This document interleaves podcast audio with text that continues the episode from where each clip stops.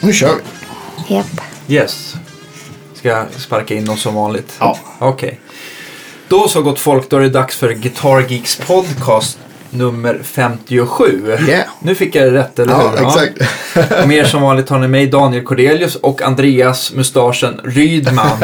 och eh, dagens gäst är äntligen en kvinnlig sådan, nämligen Ane Brun. Välkommen hit till våran Tack. podcast. Kul att vara här. Ja, mycket trevligt Trevligt. att vara Vi här. sitter i det precis eh, färdiggjorda, färdigsnickrade provrummet i butiken här. Så Ja. att, eh, ja. Mycket fint. Vi har suttit här och, och, och Mysigt. berömt ditt fina rum här Tack, tack. innan vi börjar. Mm. Ja. Nej, men det blir bra. Det blir bra. Eh, jag tänkte på, eh, vi har ju haft en tävling förra veckan med Ja, men precis. Dregen där. Och eh, jag tyckte att det blev så himla rörigt med att hålla isär vilka som hade delat. Så att jag tror att vi får dela ut några extra Ja, paket. för jag att tror det också. Det var göra folk väldigt nöjda. många som delade också. Ja. Det var jättekul. Ja, verkligen. Tack för det. Och Mm. vi har äntligen passerat 153 000 nedladdningar såg jag också. Ah, Så kul. Det är grymt. Jätteroligt. Grattis. Trevligt Tack. att ha dig här. Jag hörde att du hade eh, för, äran att spela på en Sundberg-gitarr. Ja, flera faktiskt. Du har flera ja. Sundberg. Oj, oj, oj. Ja. Jag har känt av det i många år sedan när jag höll på med min... Oj, oj. jag, Så är det är väl min gåshud där. Ja. Ja. jag och David turnerade tillsammans i många år. Så han var min Aha. gitarrtekniker. i Ja, många år. okej. Och jag var tvungen att höra av mig till honom innan det här. Bara få en lista över vilka gitarrer jag har. Ja, vad kul. precis. För att det var ett så... Det är så många. Det har varit så många genom åren. Eh, så jag var tvungen att liksom gå in och, och kolla med honom faktiskt. Så den listan finns om någon vill är intresserad. Ja, men det är Mm. kul. Ja, men det är den, klart den vi lägger ska. vi ut såklart. Och, och kanske finns bilder också på som man kan lägga ut. Ja, Han var din gitarrtekniker. Vilken, det måste ju Det var vara innan den det- lyxigaste ja, en sån begåvad människa som det var gitarrtekniker. innan det exploderade för honom kan man säga. Okej. Ja. Det, var, ju- det här är ju länge, till- långt tillbaka. 10-12 år sedan. Men eh, jag tänker mig dig för, eh, som jättebra sångerska. Hur, eh, men har gitarrspelet alltid funnits med dig från början? Eller hur? Var kom, Det började med gitarren tror jag. det Faktiskt. Mm. börjar med gitarren? Jag, eh, s- alltså, som jag inser nu så sjöng jag jättemycket som barn och ungdom. Men jag började ju inte sjunga och spela förrän jag var 21. Så, Okej. så jag hade liksom inte en medveten relation till min sång Nej. i tonåren och, och barndomen. Så. Men jag växte upp med en mamma som sjunger och spelar. Båda pedagog och musiker. Så jag liksom, det är klart var tydligt naturligt för mig att sjunga. Märkte jag på en gång jag började sjunga Ja. för folk. Så jag började med att spela gitarr när jag var 21. Som en, en impulsiv grej bara. Jag kände att jag ville lära mig något nytt. Ja. Och blev helt kär från första veckan typ. Mm. Så jag har aldrig varit så nördig som den, de första tre åren när jag spelade gitarr. Så att då, Var, var bodde du då någonstans? då bodde jag i Bä- Oslo var det faktiskt. Alltså. Oslo. Mm. Jag hade flyttat, eh, jag bo- kommer från Molde, en liten stad. Mm. Men flyttade jag till Spanien först och sen flyttade jag till Oslo. Oj, ja. Och ehm, i Oslo så började jag spela gitarr och lärde mig liksom själv vid att skriva ut tabs från nätet. Eh, det här var ju 90, 97 typ. 96, 97. Så det var ju uppringd internet och tabs. Ja. Så det var ju gamla dagar. Kommer du ihåg vad du, vad du plankade för låtar? Ja, då? gud, alltså jag var ju Annie DiFranco-fan. Ja, okej. Så jag tog ut alla hennes låtar, vilket var jättesvårt. Men en väldigt bra skola. Mm. Bra för dig, ja. väldigt bra skola. Och också liksom fingerpicking queen, liksom. Hon är ju Mm. grym på det. Och, eh, så jag lärde mig spela gitarr genom att spela hennes musik, tror jag faktiskt. Mm. Och då började jag också sjunga till. eh, Och började upptäcka sången, liksom. Mm. Så gitarren har jag liksom, helt tills för några år sedan var den liksom alltid grunden för alla låtar. Och sen så har jag börjat spela lite piano och sådär också. Och börjat liksom skriva låtar till baslinjer och till beats och så också. Ja, just det. men, men eh, de flesta låtar jag skrivit har jag skrivit på gitarr. Och så är det fortfarande att du nästan alltid utgår från att sitta... Nej, inte Gitarren. lika mycket nu. Nej. Men både och kan man säga. Okej. Eh, nu har det kan- blivit kanske mer att jag använder gitarren som harmonisk liksom, grund mer än att det är ett arr. Ja. De första åren var det väl väldigt viktigt att Det var liksom basen i, i, i kompositionen. Eh, Ja, eller arren det var också. jätteviktigt de första åren att gitarrarret skulle hålla i sig för att jag skulle kunna spela gitarren, låten själv. Mm, ja, just det. att Mm. gitarren skulle kunna beho- liksom hålla hela låten på något sätt. Men de senaste åren så har jag liksom velat också utmana mig själv att bara skriva låtar och sen arra det sen. Ja, just det. Så, men de första åren, det hör man ganska tydligt på de första skivorna också, att det, det bygger väldigt mycket på ett arr på gitarren. Eller ett, vad ska jag säga? Jo, det kan man ju säga. Väldigt fasta riff och väldigt fasta liksom. Mm. Vad var första, första gitarren då? Alltså, så Som här, jag fick och Ja. köpte. Det var en norsk gitarr som hette Morgan. Just det. Som, jag, som till och med min första skiva heter Spending, Spending Time Time, with Morgan. just så det var en stålsträngad. Min första stålsträngade gitarr. Som jag köpte i Norge. Är den lite så här s- samma som alltså Norges svar på Levin? Eller är jag ute och... Nej, det, jag vet faktiskt det är nyare. typ? Det är nyare går inte märken. att säga att det är som Levin. Jag tror att, jag undrar hur länge sedan det är. 20-30 år kanske, jag vet inte. Okej. Men det är inte en sån klass, gammal klassisk gitarr. Nej, är det okej, inte. men den är gjord i Norge? Eller, jag vet inte om eller de är har det byggt ett norskt- där, men det är en norsk kille som har det. Ah, Okej, okej. Mm. Ett norskt, mä- ja, norskt märke helt enkelt. Men det är en, stål, det är en stålsträngad. Mm, precis. Ja. Och sen köpte jag en Martin sen. Ja. Stålsträngad. Eh, klassisk, typ. Jag tror det var en Mahogny. Ja. Och sen träffade jag David. Och Just det. så fick jag min första David-gitarr och sen så fort började vi ett Sen spårade det ur. Ja, det gjorde faktiskt det. Och sen fick, gjorde vi liksom ett slags samarbete där i början också. Han var ju med mig och vi liksom eh, jobbade tillsammans lite grann de första åren där. Så jag har köpt några stycken av honom. Du blev försökskanin nästan. Nej, det vet jag inte om Nej. jag kan säga. Men, men eh, jag har en av hans första gitarrer som han gjorde eh, när han var färdig i skolan. Alltså som var en slags eh, prototypaktig som han inte sålde. Som jag f- fick faktiskt den av honom. Den finns och sen, sen har jag liksom olika modeller av honom. Ja. Känner du någon så här röd tråd när, du- när du spelar på dina Sundberg-gitarrer? Att de liksom... De, de har någonting gemensamt eller... eller Det är inte svårt att säga. De, de låter ju väldigt bra bara. Särskilt, alltså, akustiskt men också otroligt fint när man kopplar upp dem. Mhm, okej. Och Det har så har det varit genom alla år att jag har fått otroligt mycket skryt för mitt live-sound på mina akustiska gitarrer. Eh, och eh, som jag har förstått på David så spelar det också jättestor roll vart man sätter micken och att man lägger liksom tid på det och så också. Men, men hans gitarrer låter väldigt bra i PA liksom. Jag kan tycka att stålsträngsgitarrer låter ofta ganska illa. Ja, Mm. det är vi rörande, Ja. rörande Ja. överens om. Ja, Så, um, verkligen. och det, det tycker jag faktiskt att vi har fått till. Så. Okej. Har ni, har ni specificerat, har ni använt olika micktillverkare eller har ni liksom fastnat för något specifikt Nej, alltså system? David eh, säger att vi har använt något som heter Fishman Matrix. Nu Ja. använder han Matrix Infinity, men vi har haft Matrix i min. Ja. Ehm, Mm. Och ehm, vad det, som sagt, i och med att jag har spelat mest på Davids gitarrer så har jag inte så jättemycket att jämföra med. Men jag har de senaste åren har jag börjat spela mycket mer eh, nylonsträngad. Ja. Så jag har en nylonsträngad Sundberg, den första han gjorde tror jag faktiskt. Jag vet inte om han har gjort flera. Men han gjorde en till Sundberg, Sundberg till mig. Sen har jag två spanska eh, tillverkare också. Sen runt 4-5 tusen kronor värda. Som är lite så bruksgitarrer som jag tar med mig på turné och så. Okej, som du är lite mindre rädd om kanske? Ja, det har blivit lite så med åren. Jag- Alltså första åren vi turnerade så det var ju så många skador och sprickor och man blev ju helt knäckt liksom. Eh, Så det kom till ett punkt där jag bara bestämde mig för att nu ska jag inte jag kalla gitarren någonting mer. Nu får de ingen namn och jag slutar älska dem som mina kompisar typ. Ja, jag förstår. Så jag till slut började jag hellre, hellre tänka att de är verktyg som får bytas ut. Typ. Så får man ha några hemma som man gillar. Eh, Det går liksom inte. När man, Nej, om man ska- landar någonstans så bara öppnar man och bara "Ah!" Ja, det är hemskt. Och Mm. f- flyga med akustiska instrument det är ju alltid en Ja. Mm. klump i magen. Så det är, ju- Ja, de är inte lätta att få in heller på över, över hatthyllan i planet. Nej, det så är de ju- brukar vara ganska kinkiga med att göra plats för dem. i alla fall.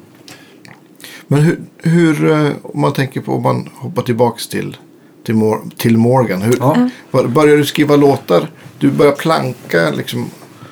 Först plankade Det är jag. Franco och Och så, så sen- spelade jag på gatan sommar 98. Det var min Ah, okej. första livespelning.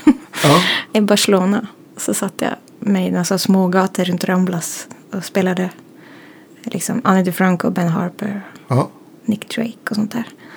Det var min allra första live-uppträdande. Och sen så ehm, flyttade jag till Bergen. Och så började jag skriva låtar. Jag kommer ihåg att jag skrev en låt och ringde till min gamla bästis. Jag kommer ihåg att jag, så här, jag bodde i kollektivet, så här, telefonautomat Ja. i kollektivet. Så vi hade så här kort som man ringde. Så kommer jag ihåg att jag satt på golvet och så hängde liksom luren ner. Så satt jag och spelade för henne i luren. Så här. Det var min första låt. Och det är liksom, det, hon var helt bara f- chockad. Alltså, det var ingen som fattade att jag höll på med musik. Det var liksom verkligen så här, Ja, okej. det var ingen som förväntade sig att jag skulle hålla på med musik. Det var verkligen så här helt. Jag var så här gymnast och skulle plugga juridik. Och, det var så, så verkligen så här. Eh, För alla var det väldigt konstigt att jag började spela. Eh, Men sen så, för mig kändes det liksom helt naturligt. Det, var, Ja. så, det är det som är så märkligt. Men när jag först började spela gitarr och sjunga så kändes det som att jag alltid hade gjort det lite grann. Ja. Lite roligt. Ehm, Så, mm, så började jag skriva fler och fler låtar. Och egentligen hade jag liksom ingen mål att det skulle bli någon karriär eller något. Jag- Det var bara något som jag hade- blev väldigt, väldigt peppad på liksom. Ja. Och så flyttade jag till Bergen och så började jag spela. mm, Jag gick på en kurs där. Eh, Det är som en, den enda gitarrkursen jag har gått förutom när jag gick på slidekurs med dig. Ja, Kommer du ihåg just det. Ja, vad roligt. Det har jag glömt. Ja, men det är sant. Ja, men du spelar ju slide på första plattan. Det är också, precis. På en låt. Ja, just det. Ja, det Ehm, är sant. Bästa läraren. Ja. Ja, men det, det kommer jag ihåg. Det var väldigt kul. Jag fortfarande kommer jag ihåg de tricksen du gav mig. Ja, vad bra. Eh, jag har inte slidat så mycket sista åren. Men, men i alla fall så. Aldrig för sent. Nej, det är aldrig för sent att börja slida igen. Du får Nej. ta en liten så här uppmuntringskurs Ja, till. då. precis. Ja. Nej men så, så började jag på någonting. I Norge finns det något som heter AKKS. Som är, jag tror det är någon så här kvinnoförening som har startat där. Som har blivit väldigt etablerad i Norge. Att kvinnor lär sig att spela instrument och spelar tillsammans och så. Så jag tror de har haft typ 30-årsjubileum eller någonting nu, 20. Och då började jag på en sån kurs i gitarr. Och sen då träffade jag tre andra. Och så började vi spela ett band och skriva låtar och sådär. Och eh, hade våra konserter och sådär. Och det var liksom då det började väckas någonting att det här måste jag göra mer liksom. Men fortfarande var det verkligen så här, det här ska bara vara en hobby för att det, jag bryr mig så mycket om det. Jag vill inte att det ska bli något som jag inte bryr mig om längre. Du vet. Jag var väldigt så här, nästan som det var så här treasure, liksom, så här, precious för mig att hålla kvar det. Så jag har fortfarande plugg, fortsatt att plugga på universitetet i många år och sådär medan jag höll på. Och sen spelade jag in mina första demos i Bergen. Och flyttade till Sverige. 2000. Nej, ni, vänta. 90. 2000 flyttade jag. Precis. Och då hade jag träffat en svensk kille. Så det var därför jag flyttade till Sverige. Och så när jag kom till Sverige så skrev jag vidare och träffade... eh, Det var ganska roligt för i Uppsala som jag bodde så träffade jag liksom flera musiker eh, som idag är kompisar till mig också. Britta Persson och Just det. och som Eh, gick i min klass. Och vi var ett gäng liksom, som, eh, som spelade tillsammans. Och som vilket gjorde att det blev mer och mer verkligt för mig att spela eh, live och så. Jag hade liksom inga musikerkompisar i Norge på det sättet. Och sen så, ja, så började jag börja spela mer och mer och mer och så bestämde jag mig för att jag ville sk- spela in på riktigt. För att typ på den tiden, början på 2000-talet, om man skulle ha ett gig så måste man ha en riktig skiva Mm. med streckkod. Alltså, annars fick man inga riktiga gig. Då fan hamnar man på demoscenerna.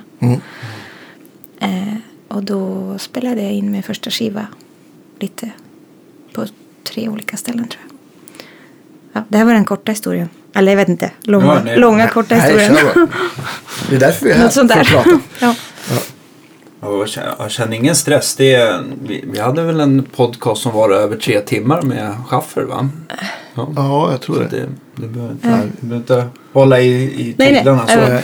Ehm, eh, men det var bara egenkomponerad musik på första skivan eller? Mm. Ja, såklart. Det är, inte, det är inte samma fåra som jag håller på med och spela gamla 50-tals live covers. Men ja, Nej, Min senaste platta är faktiskt 14 covers. Mm. aha! Så, Mm. så jag gör det också. Du gör det också? Okej, okej.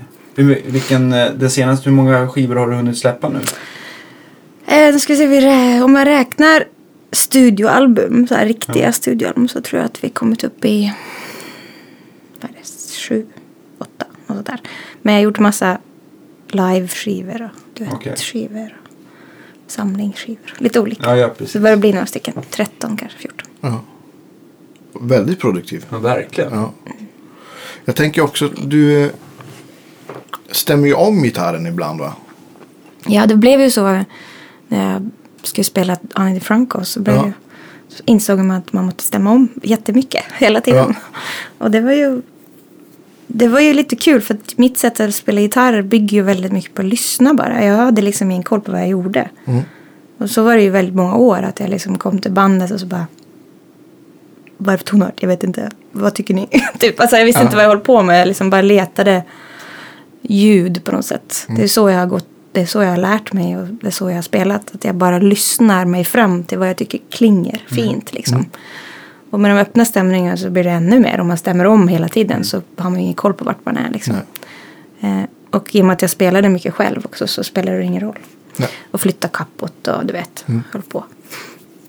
Så mycket öppna stämningar, mycket kappon. Och så har jag en stämning som var en art by accident stämning som, som faktiskt har varit jätteviktig som jag har skrivit massa låtar på. Som är en stämning som, som bara hände fel någon gång. Som är en- Du skruvar fel eller? Vad? Mm. Ja, jag skrev fel så då blev det någon målstämning. Så att DGD GASD. D, G... G- DGD Alltså från tjocka? GASD. Mm, från Mm, okej. tjocka ner. Så jag skrev massa, jag skrev många låtar på den. Och eh, det var fel faktiskt från början. Vad, vad, vad det, ville du stämma Tror- dadgad? Ja, eller? eller jo, det, var, det tror jag var dadgad. Och så hade jag liksom inte stämt ner tillräckligt den sist, näst sista strängen då. Ja, just Så det. blev det den här jättesorgliga målstämningen.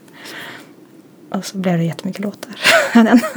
Ja, ja, det blir ett, ett, ett G-moll fast med D i basen Mm. kan man säga då kanske. Om jag tänker efter. Men är det din, har du, är det din så här go-to-stämning eller? Nej, det har bara blivit många låtar i den. Ehm. Så jag, ja. Har du någon fler sån som du, som Sån du brukar stämning? Eh, använda? Eller har du, skrivit, har du väldigt- skrivit ner stämningar så här? Jag tänker, det måste ju vara, om, om du åker ut och spelar så kan jag tänka mig att du får du liksom kanske ha gitarrer färdigstämda för Ja, en ja, låta, liksom- gitarrteknikern har ju Ja. koll på det. Ehm, Men vi har en DA, den vanliga DAD Fissa det, ganska Mm. många i den. Ehm, Och Dadgad också ett par stycken. Ehm, Sen har jag en med E i basen, alltså den här fissstämningen fast med E i basen. Ehm, Är det flera? Jag höll på ett tag också, liksom kappa på fyra strängar och håller på sådär ett tag Ja, just också. det. Men det sket jag i till slut, det var så mycket bök med det. Så, mm, nej. Och sen har jag en liten Martin, Baby Martin, som är så high strong. Just det. Som jag skrivit några låtar på också. Som, då blir det helt andra oktaver så det blir som en annan. Men är den stämd som en vanlig gitarr då? F- En standard tuning fast helt andra oktaver så den får en helt annan liksom. Ja, just Så det. det är väl Ja, som grej. de där oktavsträngarna på en tolva va? Ja, men precis. Just det. Mm. Ja.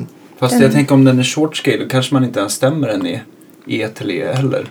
Jo, Eller hur? man stämmer Ja, den är. ja, okej. Det är standard. Men den är fin, den gillar jag jättemycket. Den, Den är fin. rolig Ja. faktiskt.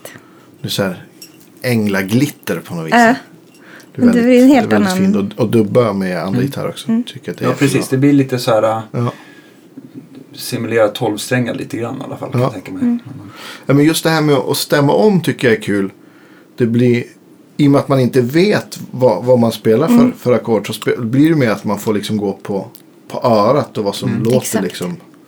Ja, men precis som du säger att man, att man utgår från sound. Att man kanske också hittar sound som man inte skulle ha hittat annars.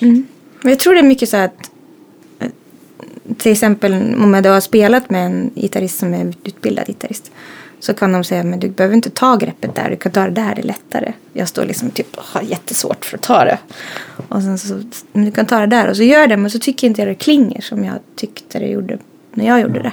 För då kanske det är så att jag har gjort så att två strängar klinger samma till exempel. Ja, just det. Eh, och, och sen så flyttar jag på fingret där som inte klingar. Alltså det är liksom hela, s- hela liksom hur gitarren vibrerar typ som gör att jag går igång på det.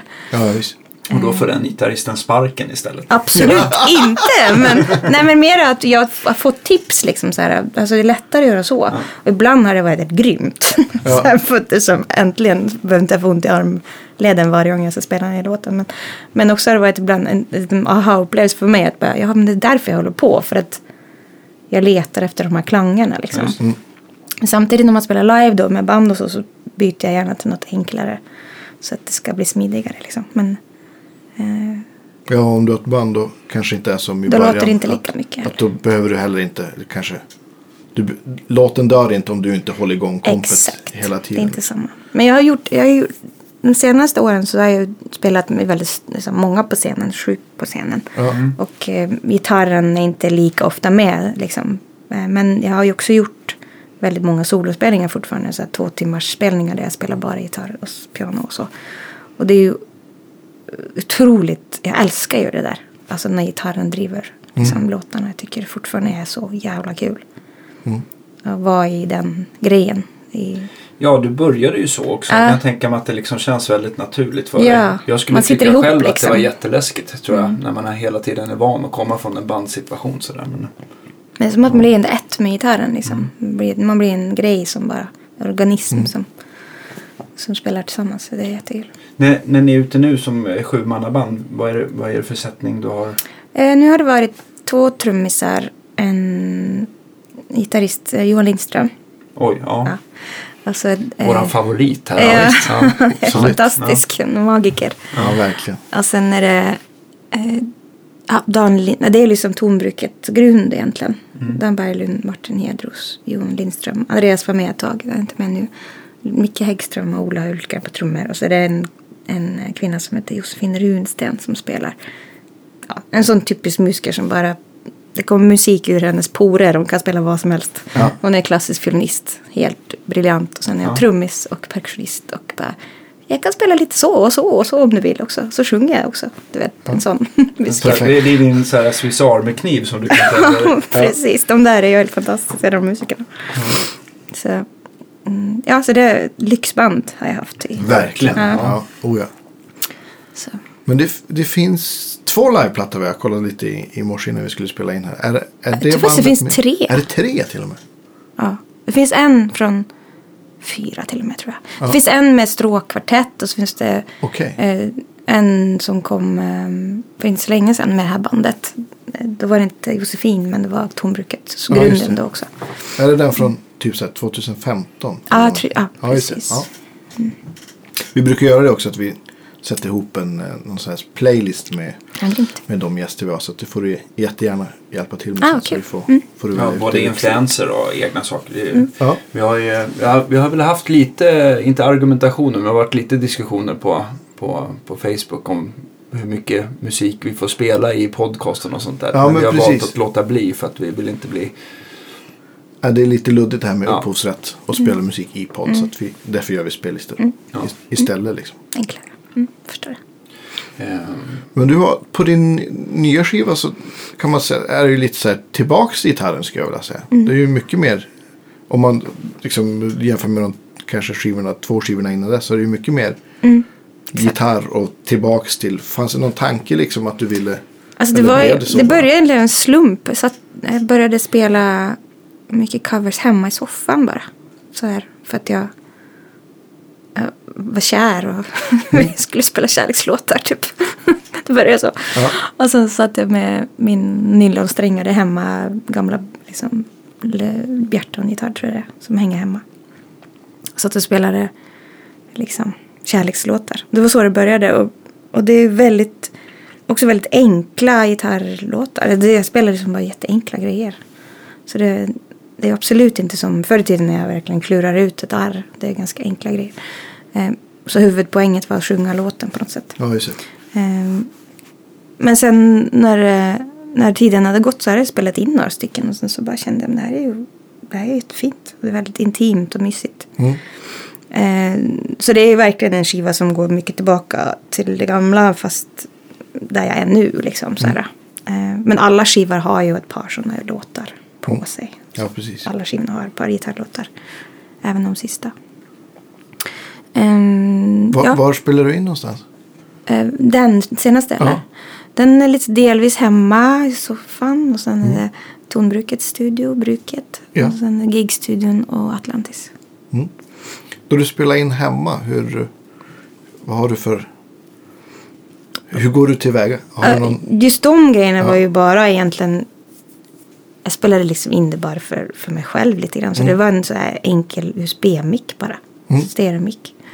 Eh, Men sen när det började bli eh, ett projekt då tog jag dit mina mickar.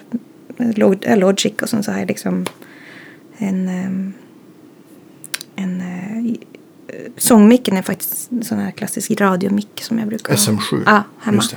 Mm. Och sen en sån där AKG 440C tror jag den heter. Ja, sån där. Den fyrkantiga. Ja. Ja, just det. Här är den som är guld på ena sidan. Exakt. Ja, den är också en bra. Jag börjar tänka på 414. men Det finns säkert någonting 414, som- 414, ja. förlåt. Ja, men det, ja, nej, jag vet inte. Ja, men den är ju fantastiskt bra. Så Ja, ja, stor visst. membransmick som, som eh, ja, klarar det mesta. Den är väldigt realistisk. Ja, Ja. visst. på något sätt. Så man kan göra mycket med det sen. Var- Så det, så det gjorde jag och sen... Ja. Ja, det är ju en, ja, det är ju en väldigt, väldigt bra Hur, kommer det, setup. hur kommer det sig att du fastnar för SM7? För den, det, det är ju, den är ju väldigt så här, populär, både radiomick, men jag har sett många sångare som har använt Ja. den sådär.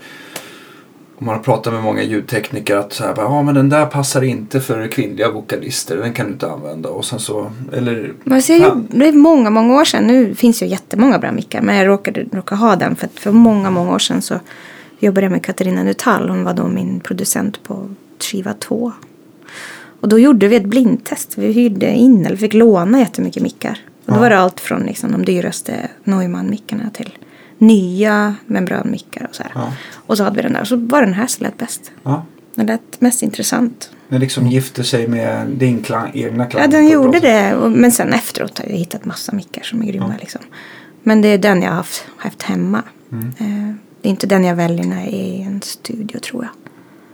Men hemma gör jag det och det funkar jättebra. Du Ja, det- gillar väl den också? Jag gillar den Mm. jättemycket. Både på killar och tjejer. Och Mm. Gitarr och akustisk gitarr. Och hi-hat brukar jag ha den på. Ja, Den funkar till allt. det är någonting med att den liksom biter lite på något sätt. När man lyssnar sen så får det lite så här karaktär. Jag vet inte. Jo men den är väl verkligen inte som 414 att den är så här neutral utan den har den- ganska mycket Mm. karaktär. Ja, men det har den absolut. Låter lite som deras vanliga klassiska 57 fast större. på Ja, något men sätt. Alltså, precis. Fast, fast fylligare och Mm. varmare. Liksom. Ja, men det är som en uppbiffad 57 kanske man kan säga. Mm. Ja, de, de är Ja. jättebra. Mm. Vart, vart sätter du micken? Hur långt ifrån gitarren brukar du? Alltså den här på sången. Mm. Ja, Eh, och sen den här... eh, 414. 414, den sätter jag bara... Ja. Typ 20-30 centimeter bort eller något. Mm. Ja. Framför ljudhålet mer. Ja, lite på bandet, där 12 Ja, just det. Mm. typ. Nu vill Och då jag- tar ju det upp sången jättemycket också. Du, vill- du ska inte få någon mer kaffe? För... Jo, då kommer jag prata för fort. tack, tack. Det var väl- Men det är ju var också väldigt- många låtar som jag har spelat in genom åren där jag bara ställt upp just den, AKG 414. Ja. Och så bara spelat gitarr och sång tillsammans. det. För det Ja. tar ju upp hela. Ja, men precis. Så jag har många inspelningar av det också. Men första låten är det ju elgitarr på, eller hur? Är det inte? Eller? sa du? Första låten på nya plattan är det elgitarr. Ja, det är lite elgitarr på Ja. den. Just det. Mm. Spelar du det själv? Ja, på den gör det. Jag, Vad- jag har en elgitarr. en Sundberg-elgitarr faktiskt. Ja, Eh, och jag har liksom tänkt många gånger att jag ska börja spela elgitarr. Men det har jag som... Jag har liksom aldrig kommit igång helt med det. Det är som att jag... I många år så försökte jag bli riktigt nördig. Att jag gick på gitarraffärer och tittade på grejer. Och tittade på pedaler och testade och så här. Och så var det som att jag kom, till slut kom jag fram till att det enda jag ville att spela. Jag hade inte lust att gå in i den världen. Nej. Så då, så då liksom efter att ha verkligen, f- samma med studio också, att jag liksom tänkte nu ska jag lära mig producera min egen musik. Men när jag hade lärt mig det jag behövde Mm. så kände jag att jag lämnar, lite samma som ni två säkert, att ni kan hur mycket som helst som elgitarr och pedaler. För Mm. att ni håller på så länge. Och då har jag heller kommit till ett punkt där jag bara, nej men jag, jag gör så här. Ska jag ha det så frågar jag en av er. Liksom. Ja, en men av visst. den här typen av människor som har gjort det här så länge att de vet allt om det. Det kändes som att det var för mycket att sätta sig in i. Ja, jag kände att varför ska jag göra det om det finns människor som kan det så himla bra. Och samma med studio också, att jag känner att jag kan Mm. spela in min sång och min gitarr och piano utan problem. Jag kan det och jag kan mixa det, jag kan allt det där. Men förutom det så är jag inte, vill jag inte spendera tid på att sätta mig och lära mig producera en skiva för att det det finns människor som har gjort det där så länge som, som kan det så bra. Kan du skriva? Så kan ni hellre fokusera på det Låtar jag istället. egentligen vill göra. Ja, ja, visst. Spela musik och skriva låtar och sjunga. Men så of- oftast är det det- beslutet tog jag för några år Ja sedan. men visst, ja, men det kan jag förstå. För oftast är det ju så att man, om man lär, lär sig saker så är det ju kanske dels utifrån nyfikenhet men kanske också för att man, för att man måste. Mm. Ja, För att man kanske är så här, ja men, jag säger, ja, men jag har ingen möjlighet att hyra in mig på exakt. Atlantis för Exakt. att testa, testa och micka upp Ja, men gitarrljudet. utan det är självklart. så här, Men jag kan ju spela in mina grejer. Ja, ja, ja, alltså, visst. Ja. grunden kan jag göra. Så det har ju varit en praktisk grej. Liksom. ja, ja visst. Men jag har bestämt mig för det att jag kan hellre finlira det jag ska finlira. Och så, Ja. Jag tycker också att det känns som att eh, lite s- som, eh, jag har ju jobbat i musikaffär så himla länge och det är ju väldigt tyvärr väldigt sällan man får in kvinnliga gitarrister som frågar om saker. Det är nästan bara killar tycker jag som, Mm. som kommer in och frågar. Så man börjar fundera på om det är just den här eh, miljön av musikaffär som liksom inte tilltalar annat än manliga gitarrister eller någonting så här att man känner sig, jag vet inte, tycker du att man känner sig liksom lite obekväm i, i, i Alltså, musikaffären eller? Jag Ja. tyck, den, den, det elementet kan säkert finnas med, tror jag. Alltså hade det varit... Det är väl som i alla miljöer som är mansdominerat. Hade det stått fyra kvinnor bakom disken så kanske det inte hade varit så konstigt Mm. att vara där. Liksom. Men oftast är ju folk väldigt trevliga. Men liksom... ehm, jag, jag tror det där spelar någon roll i alla omständigheter. Ja, precis. Att Ja. man ser framför sig en man som står där. Det har liksom bara blivit så.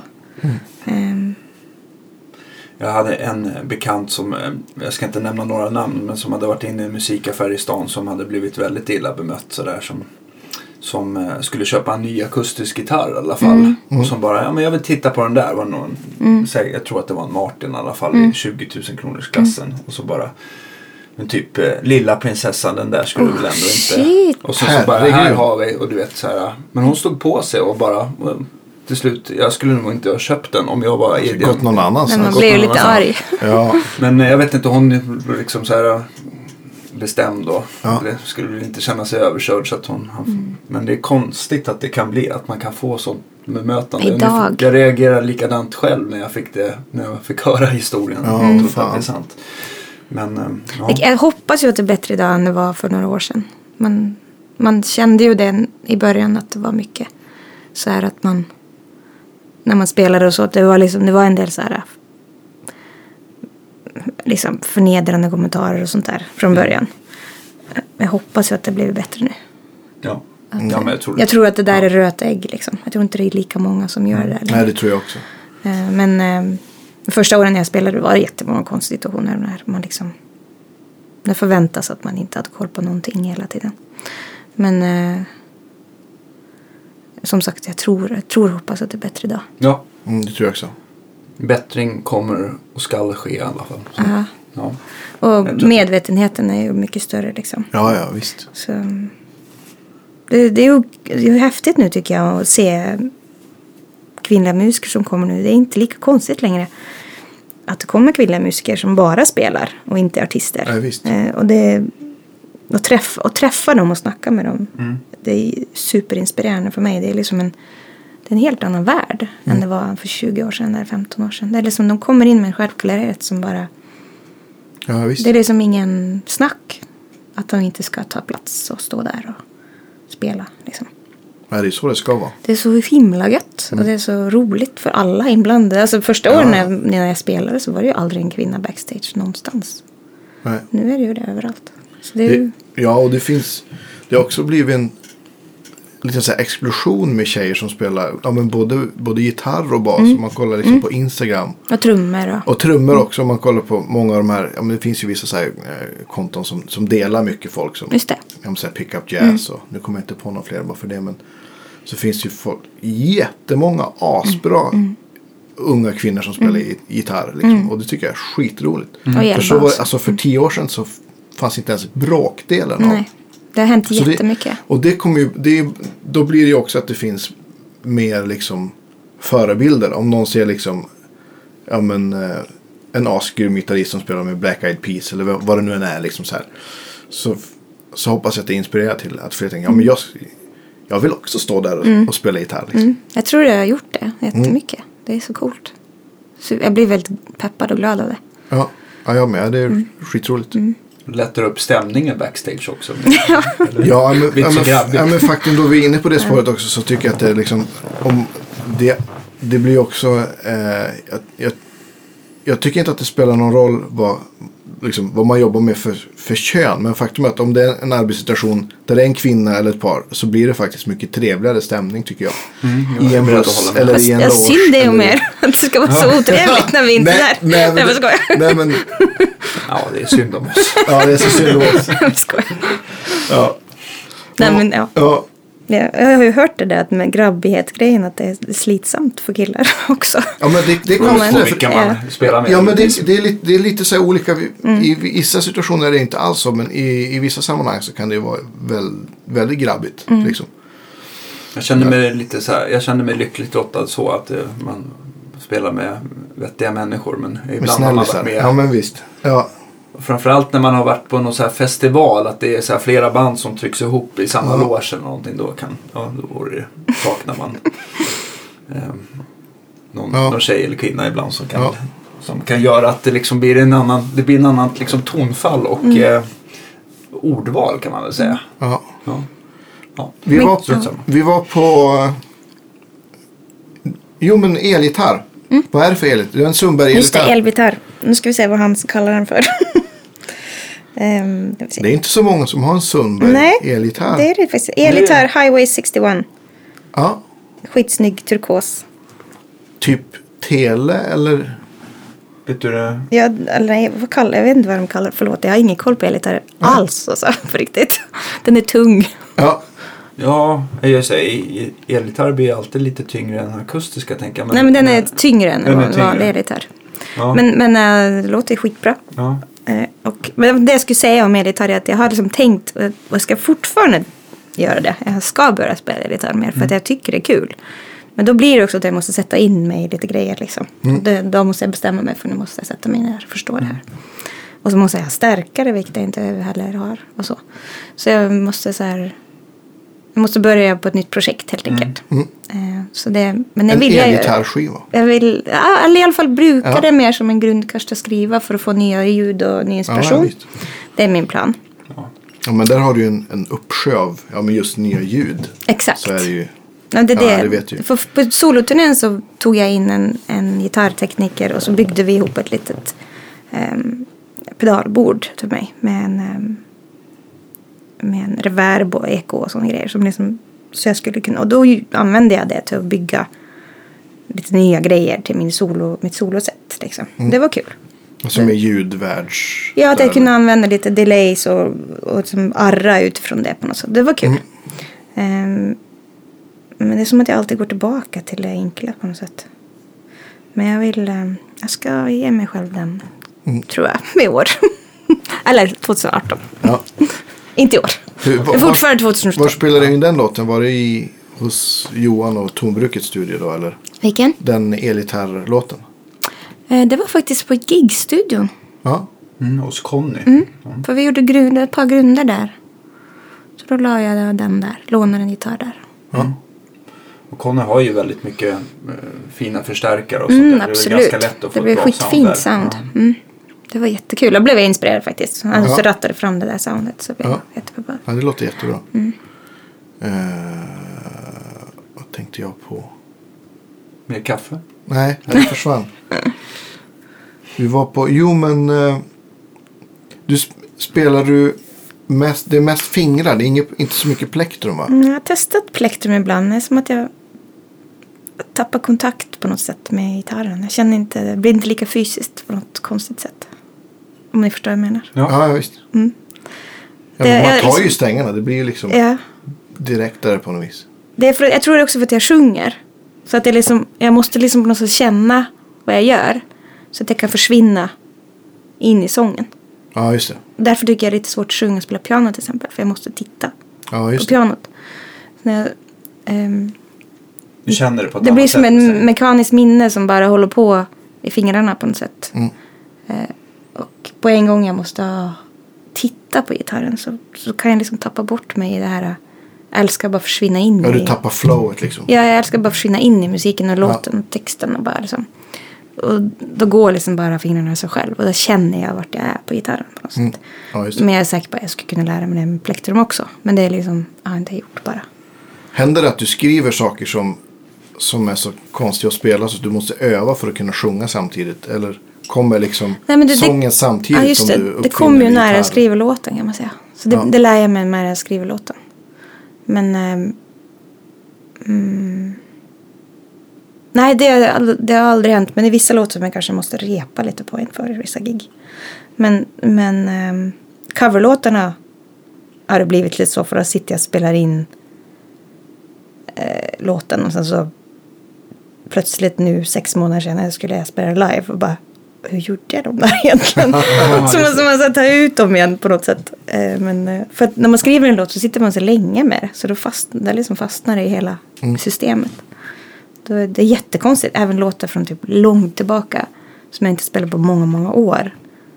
Och jag bara sätter mig liksom och vet vilken stämning det är och liksom så här börjar så, så bara helt magiskt bara kommer det i fingrarna. Det är så jävla coolt tycker jag. Det finns i ryggmärgen. Den precis. sitter där Sån här någonstans. muskelminne. Som Ja, det är så cyklar, jävla häftigt liksom. alltså. Ja. Faktiskt, det är jättehäftigt. Händer, eh, gör du bara eh, att du, din egen eh, sak eller händer det att du liksom blir tillfrågad att spela med andra artister som, ja, som gitarrist eller sångerska eller någonting sånt där? Att du, Jag har aldrig... studiejobb eller någonting sånt där? Som, Mm. Nej, tror, alltså, tror inte jag skulle vara någon bra studiogitarrist alltså. Det, sk- man skulle behöva jobba jävligt länge innan och komma förberedd på något sätt. Jag kan ju inte sitta och bara spela skalor på gitarren. Jag har mitt sätt som funkar till det jag gör på något sätt. Men eh, det var ju en utmaning, verkligen, att göra det någon gång. Sång har jag gjort mycket. Liksom. Ja, ja, okej. Lagt kör och sjungit Okej, rätter okej. och sådana grejer. Absolut, men eh, så jag har, ju in, jag har ju inte så mycket erfarenhet av att vara musiker. Så. Som hired gun så att säga. Ja, det, här, det här är kanske det lyxigaste musikergiget någonsin när jag var på Peter Gabriel-turné. Det var ju Ja. min, det är min musikergig. så det är liksom lyxigt kan man säga. Ja. Och bortskämd. ja, det måste vi prata om. Hur kom det sig? Nej, men jag jag eh, spelade på en stor grej i Norge 2005. En sån här Nelson Mandela hyllningskonsert. Eh, och då var Peter Gabriel där. Och han kom bort till mig efteråt och sa typ att han tyckte det var jättebra det jag hade gjort. så. Mm. Det var så här kort möte bara. Och jag var ju, helt- blev helt tossig. Det var helt fantastiskt. Mm. förstår jag. Shit. det var ju så stort. Bara det var så stort. Vad, vad spelade du för låt då? Då spelade jag- det här var 2005, så jag spelade Fight Song och vad var det för annan låt? Var det bara den kanske? Jag kommer ihåg att Staffan Johansson var med i alla fall. Mm. Spelade. Han är ju fantastisk Ja, också. ja, visst. Och Katarina Nuttall. Och vi spelade på en sån stor stadiongrej liksom. Och då kom jag bort.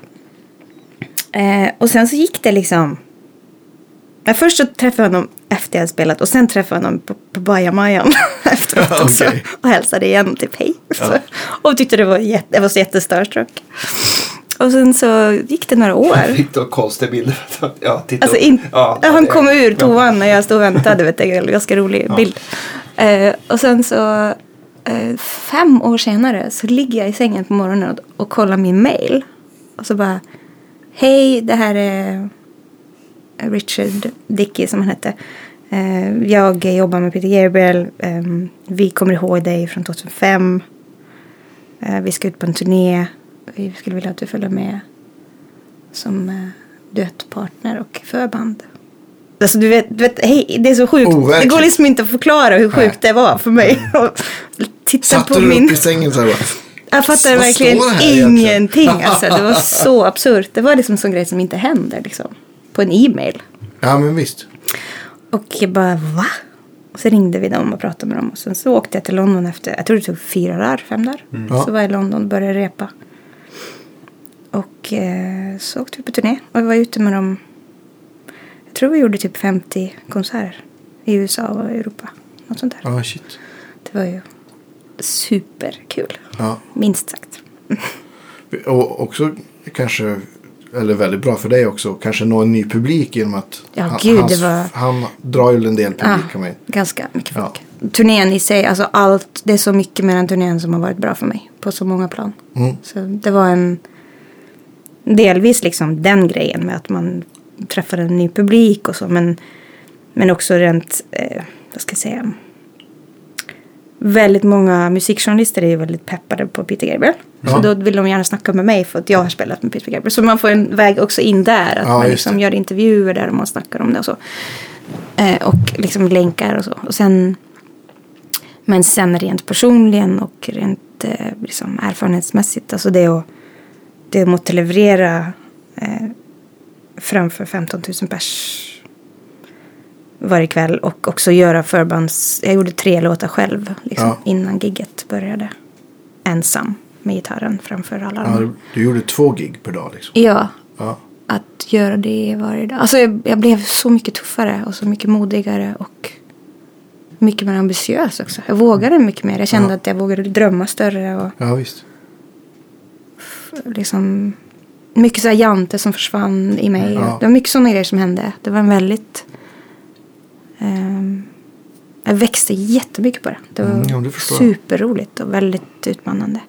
Och en eh, häftig grej att få vara med på en sån turné som är liksom på den nivån att man ser ehm, man ser att även där så är det exakt samma sak. Man Mm. repar på exakt samma sätt och man, man känner samma sak inför alla gig och även Mm. stjärnan själv liksom hur man tänker. Och, det är väldigt, väldigt lärorikt att det är, liksom, det är bara att man har gått upp några nivåer. Det är samma sak fast Det är fler allt människor. lite större bara, lite Ja. mer folk. Vilket, eh, ja det, det var, ja det var en, ja gud jag är så tacksam för det. Ja. På så många sätt. Alltså, Ja, visst. verkligen. Men du, var- du sa att du- ja, det tog fyra dagar så fick du liksom så här, ja men de här låtarna ska du sjunga, typ. Ja. Jag kom hem till Peter Gabriels hem i Notting Hill och så satte vi i hans lilla studio som kanske är tre gånger stor, så stort som det här. Ja. Eh, och vi repade akustisk. S- Sjöng Mercy Street och Don't Give Up akustisk. Oj, nu får jag gåshud. Alltså, det var så Shit, vad magiskt. overkligt. Det var så magiskt. Och det var liksom bara så här, jag satt där och bara tänkte det här är, helt, det här är inte salt. Liksom. Och, eh, och också det här häftiga med hans röst. Han har en så häftig röst. Och Ja. jag trodde alltid att det var någonting på hans röst. Ja, just alltså. det. Men så bara sitter jag och hör han sjunger rakt ut i rummet. Han, bara, han Ja. låter ju så här. Han låter Ja, exakt visst. så här. Du vet. Ja. Och sen jättetrevlig och jättegentleman. Liksom. Jättefin. Mm.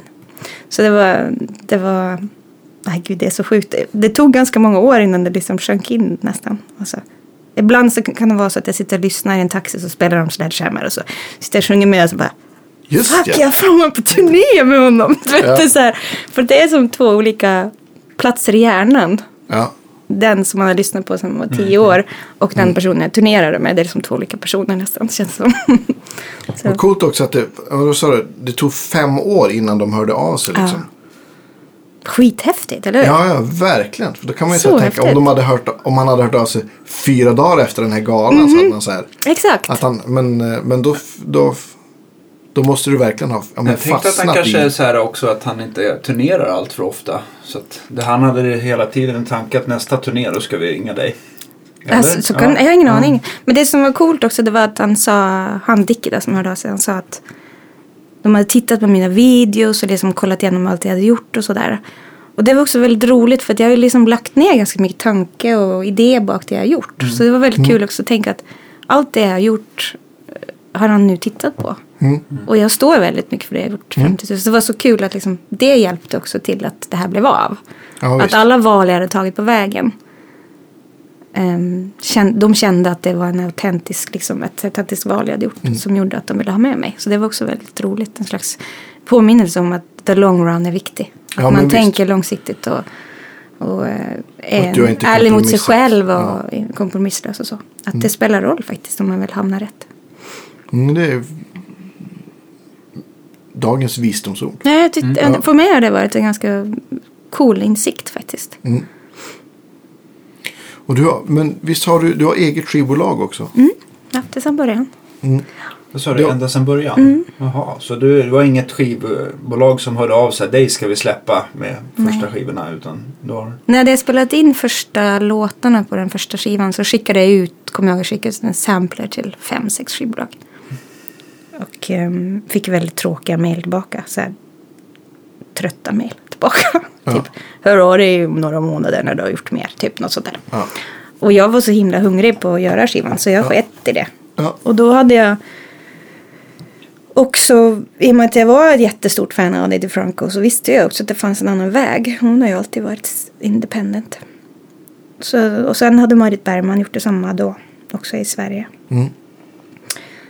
Eh, Så jag hade det som ett alternativ kan man säga, en plan B eller egentligen plan A men jag tänkte kolla den andra vägen först liksom. Så, så jag bara körde på det, jag visste ingenting om skivbranschen.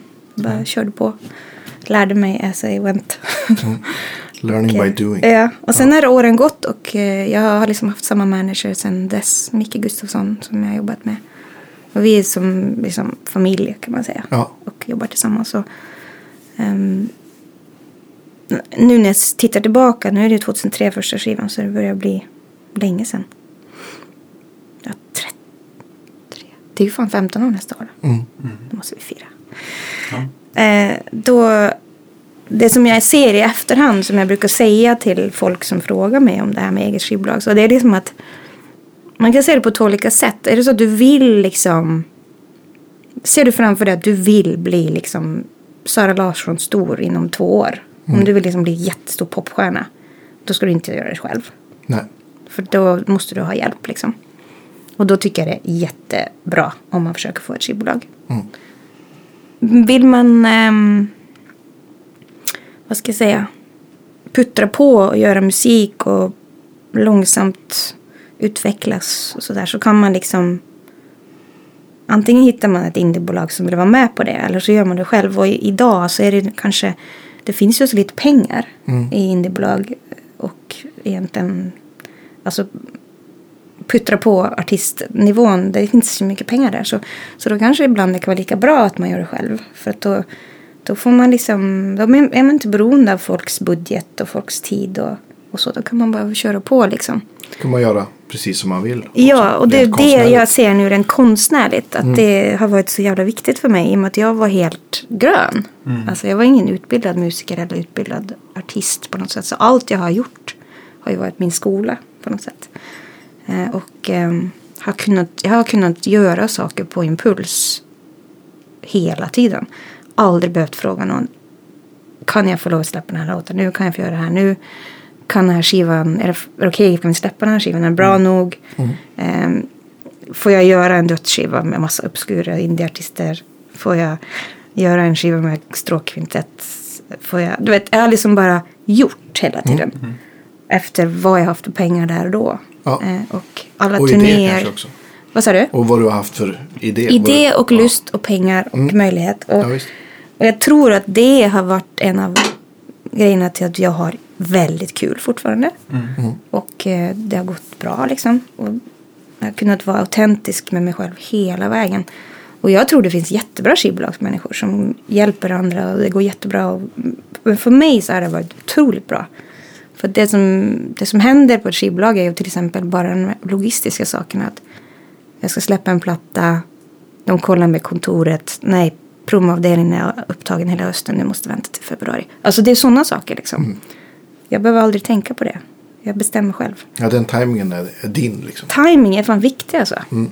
För det är att folk kan sitta och häcka på saker för länge. Och om man också tänker på om du hade legat, säg att du hade legat på ett skivbolag i 15 år så hade man nog kunnat räkna hade man nog behövt ett par händer för att räkna de anställda som hade kommit och gått som skulle ha Exakt. jobbat med dig då. Det Exakt. Mm. blir också, om du har jobbat med samma person i 15 år, det blir också ett, ett samarbete som blir, blir ja, men, ja men som du säger, ni är som familj. Ja.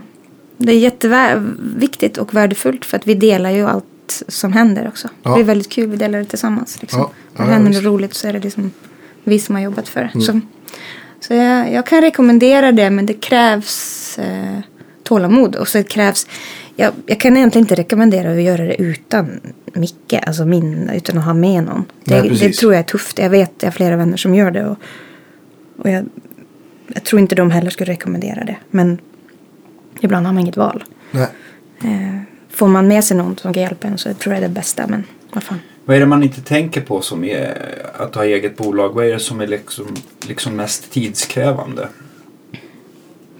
Alltså det är ju så mycket runt omkring som inte handlar om att spela. Och Men när jag det- tänkte just det här om man nu ska pressa upp för fysiska skivor. Vart vänder man sig? Och, Mm. och det är alla som ska designa omslag och se till att allting blir rätt. Exakt.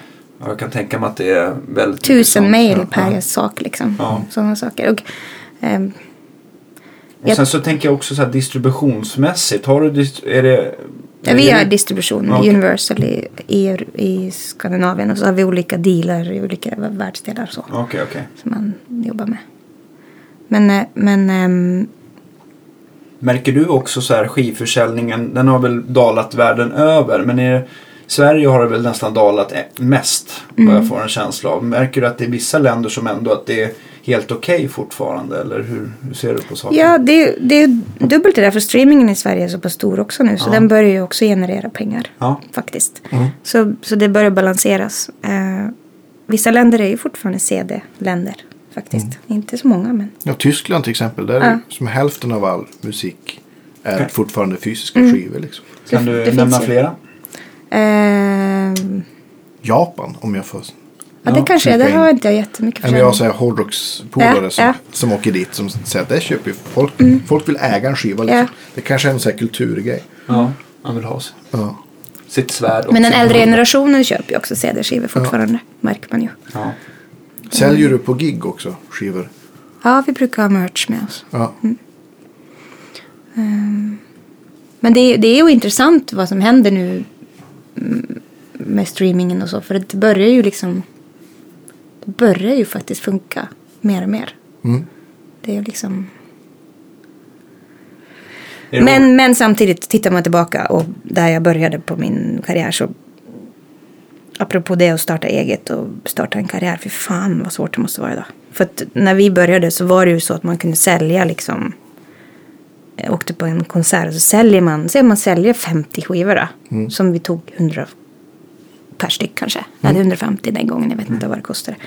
Då åkte man ju hem med 5 000 kronor. Så man kunde betala bensin, man kunde betala sin ljudtekniker kanske. Och nästa gång så hade man kanske råd att ta med sin musiker också för att man sålde kanske 100 skivor. Och så gick det ju liksom och det var ju så det funkade. Ja. Och att liksom skivorna sålde, hade man en ganska låg försäljning av en CD-skiva så hade man kanske 2000 skivor som man sålde.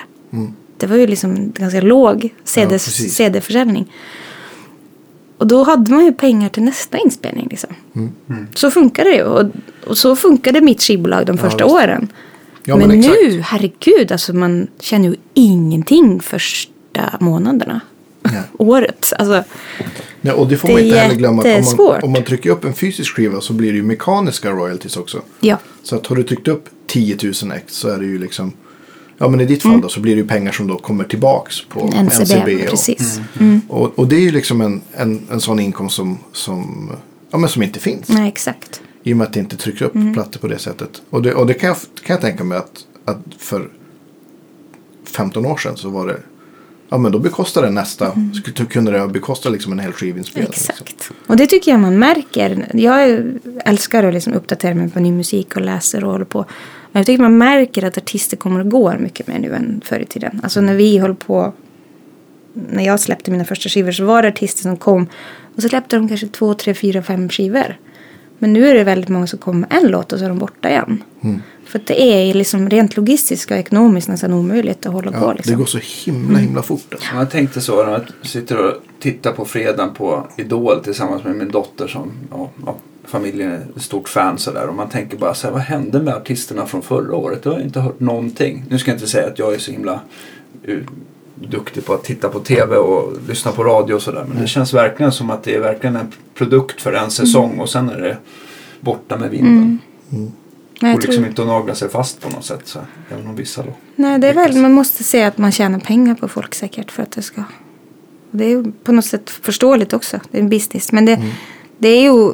Det var ju en peak där runt 2005, 2006 där jag bara kände, där jag kommer ihåg att jag tänkte så här, shit nu, nu är indievärlden sin peak nästan. För att det var precis innan liksom, piratgrejen började ta över Ja, just det. skivförsäljningen fortfarande funkade. Ä- Internet var så pass utvecklat så man hade liksom bra promotionmöjligheter. Och man, f- man eh, kunde, alla kanaler var möjliga för att man var indie liksom. Så man kunde verkligen sälja jättemycket plattor som indieartist. Och sen så bara puff, så, så hände allt som hände. Och så blev man beroende av storbolagen igen. Så det var den här, den här piken, 2005, 2006, Intressant. 2007. Där det verkligen var så här, shit nu kan man riva sig loss liksom. Mm. Från Major. På riktigt. Och sen så blev det tyvärr så igen att man blev beroende av förlag och skivbolag igen. Mm. Men det är ju också en, den här världen vi lever i med streaming och internet. Det är ju också en stor frihet att man kan släppa saker ut i världen. Om man inte vill satsa på musik men vill att ens musik ska komma ut. Man får ju liksom ut den. Och det är ju Mm. Ja, ja, trevligt. visst. Så, Tycker du att de olika, st- jag tänkte som, det finns ju massa olika streamingtjänster förutom Spotify. Tycker du att de alla funkar ganska och ger tillbaka lika mycket ekonomiskt? men det är Spotify, Spotify är ju störst nu. Det märker Ja. man ju. Även, det börjar växa överallt. Så jag har inte helt översikt över de alla de andra. Jag tänkte iTunes har väl sin egen streamingtjänst. Ja, precis. Och sen så har vi, Mm. Norge finns det väl också något annat? Ja, va? de hade en som... Men ett- Spotify började också ta över där faktiskt. Så. Jaha, okej. De hade den här Vimp som blev Tidal. Ja, just det. Precis. Så, Tidal finns ju fortfarande. Ja. Okej. I USA så tror jag Amazon har ju någon streamingtjänst också. Okej. Så, men jag tror att Såklart. EU, och Deezer tror jag de har någon också. Så att, Ja. Men jag tror också att Spotify håller på att liksom ta väldigt mycket mark i USA också. Så att det, nej men och, och det är väl lite så också att man, det är ju ingenting man kan förändra. Det är bara, Ja, men tänk om de Följer inte hade med. kommit, vad hade hänt Ja. då? Alltså Ja, om ja, streamingen inte kom, vad hade hänt då? Hade det blivit liksom... Det var ju... Det hängde ju i luften där. Hur skulle det ha blivit om inte de kom? Då hade det ju blivit downloads. Liksom. Det var ju det som var på gång. Mm. Att folk laddade ner skivor. Just då. Exakt då streamingen kom så var det ju så. Liksom, vad ska vi göra nu? Mm. För nu kunde man inte skydda sig längre liksom. nej precis. Ja, Men det var lite, om man tänker då, då det kom liksom, jag kommer ihåg allt det här med Pirate Bay och om Lars Ulrik från Metallica gjorde några uttalanden. Och det, som, det som jag så har tänkt på i efterhand är att då, då, då var ju folk, det kändes som att skivbolagen var så rädda för, rädda för den här liksom Streamingtjänsten. streaming Ah. eh, download-grejerna. Så att de skulle istället bara ha anammat det och säga okej, men ni kan köpa, köpa det här till skitbra kvalitet från Ah, oss. exakt. För en dollar istället. Men det tog ju flera år innan Ah. det. Så, att, så att jag tror att det där glappet, de- jag tror att de ville så gärna klamra sig fast vid liksom, Försäljningen. Att det skulle, försäljningen. Att det skulle vara som förut. Men Men tänk ju att man kanske har blivit så här typ spons, spons, mycket mer spons och sånt där kanske. Att man liksom hade haft mycket mer sponsorer med i skivsläpp och sånt där. Att man Mm. var beroende av liksom en produktplacering och sånt Mm. där. Men fan, vem vet vad det hade blivit liksom. Ja. Men det tycker jag man ser i i USA. Många, många artister har ju liksom. Det känns, den grejen känns som att den har kommit längre än här. Att artister har liksom. Är mer öppna med, så här, med spons och att de har turnéer som är sponsrade av. Ja men kanske ett bilmärke eller, eller vad det nu kan vara. Liksom. Det tycker jag man inte har sett i, ja, men i Skandinavien eller Europa på samma sätt Nej, det är alls. sant. Det kan sitta några liksom, banners på någon affisch men det är verkligen inte så här. Det kanske inte är stor nog publik till att det ska vara intressant eller för Ja, nej, sponsorerna. men, så- ja men, men så kan det, nog- så kan det nog också vara. Men, men eh, det är en annan kultur, absolut. ja, det är en annan Ja. kultur. Ja. Det kommer att bli så här helt annorlunda. Rolling Stones The Dodge Tour. eller Ja, ja, någonting ja, sånt där precis. i framtiden. Nej, men, Nej, sen hoppas tycker jag inte det är, är kul också att ja, men det, det går ju faktiskt åt rätt håll det här med upphovsrätt och, och internet. Ja, men Stim har ju avtal med, med som YouTube. Och, Mm. Mm. Jag vet att det finns ju, det är ju på gång så här betal-YouTube. Så det har de på prov. Ja, det är så. Mm. Det, I USA finns det redan. Jag tror att det hette YouTube Red blev jag erbjuden nu där jag Okej. var så här i, i USA. Men jag har, ja. Men, eh, och, Är så det att- samma avgift som Spotify? Ja, ungefär men det är en så här, jag, månads? jag tror att det, ja, men det blir lite så här. Då ska man få, får man lite mer content. Man kan eh, få högre upplösning och offline grejer. Och, men framförallt att, och, och det har de ju i USA också, ASCAP och vad heter den andra, deras STIM. Att de har avtal med, Reklamfritt vore ju skönt på YouTube. ja men det, får, du- det tror jag att du får också med liksom premiumtjänst. Mm.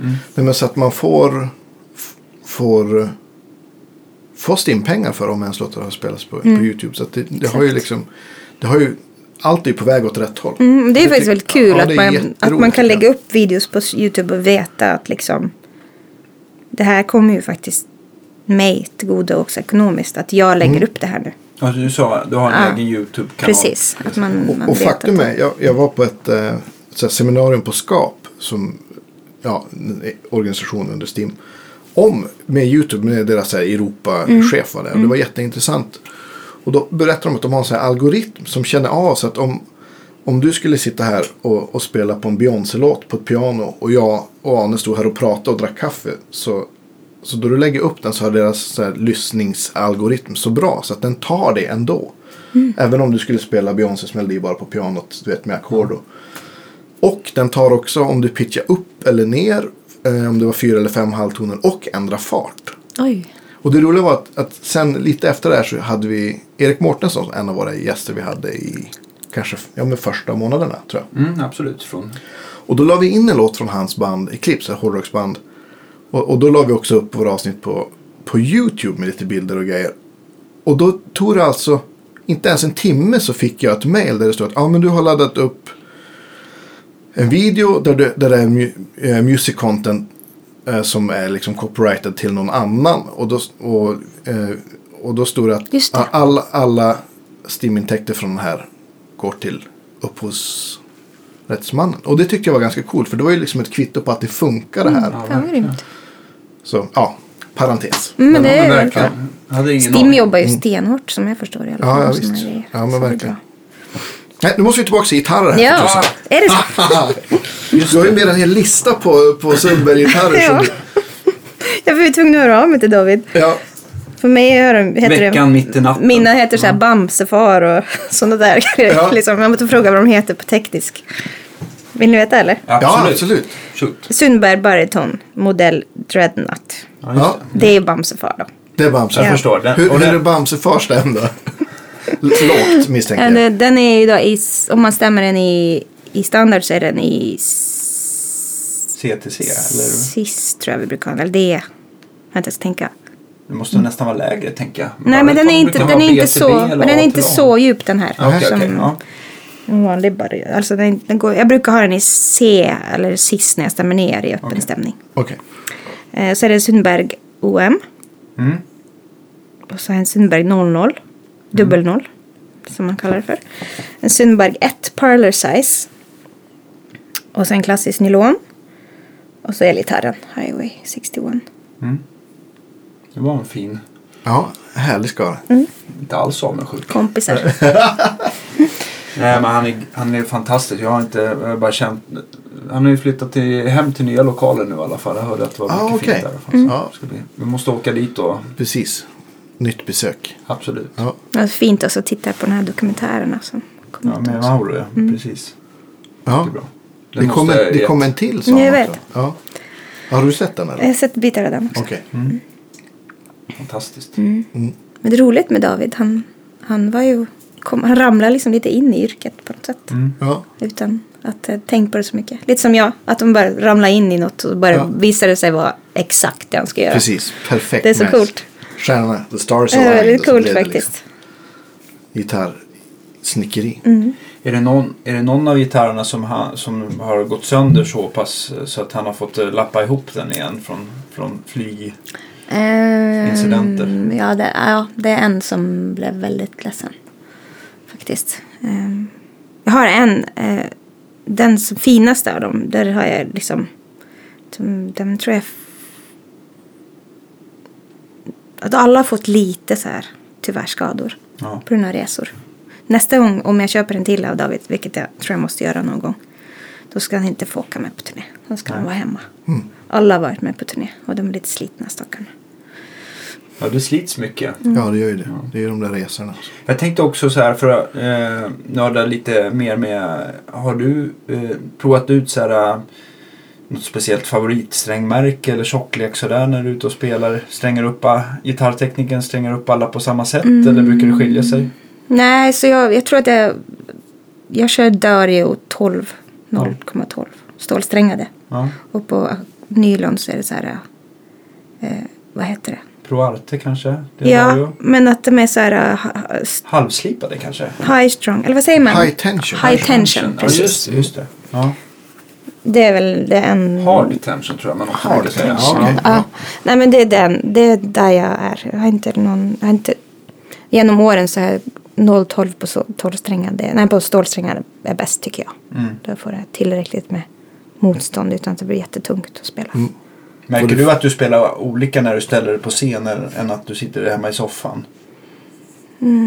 Ungefär som att det här, gud vad det känns tungt. Och sen så när man kommer på scen då känns allting, mycket- har man mycket mer adrenalin och då känns det mjukt igen. Liksom. Jag kan tycka att det är så märkligt med det där med gitarr på scen för det kan vara så här dagsform lite grann. Ja, ja. Att ibland kan en gitarr kännas som en stor klump Mm. och ibland kan den kännas som sidentyg i händerna.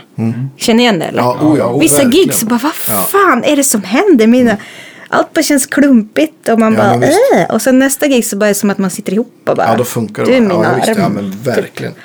Så weird, jag vet inte vad fan är det där för någonting? Men Jag tror att det har så här med, med dagsform och energi att göra. Det är faktiskt så konstigt jättemycket. alltså. Sen ska man ju komma ihåg också om man är ute och reser mycket som ni gör så, ehm, så kan ju gitarrerna ändra inställning beroende på fuktighet Ja, och, just det. och Ja, saker just och det. sådär. Så att de känns Tröga. Ja, jag, jag menar ökar. eh, Det som har mest slagit mig i alla fall att jag skulle resa till Spanien och spela på vinterhalvåret och då var fuktigheten så otroligt mycket högre. Så när när jag plockade upp gitarren i Spanien då låg strängarna emot Mm. banden helt enkelt. Okej. Så, så fick Ah, man släppa på dragstången så att det, för att fukten gick tillbaka Mm. Ja, in i det där är trädet, liksom. säkert mycket mer Mm. än man tänker.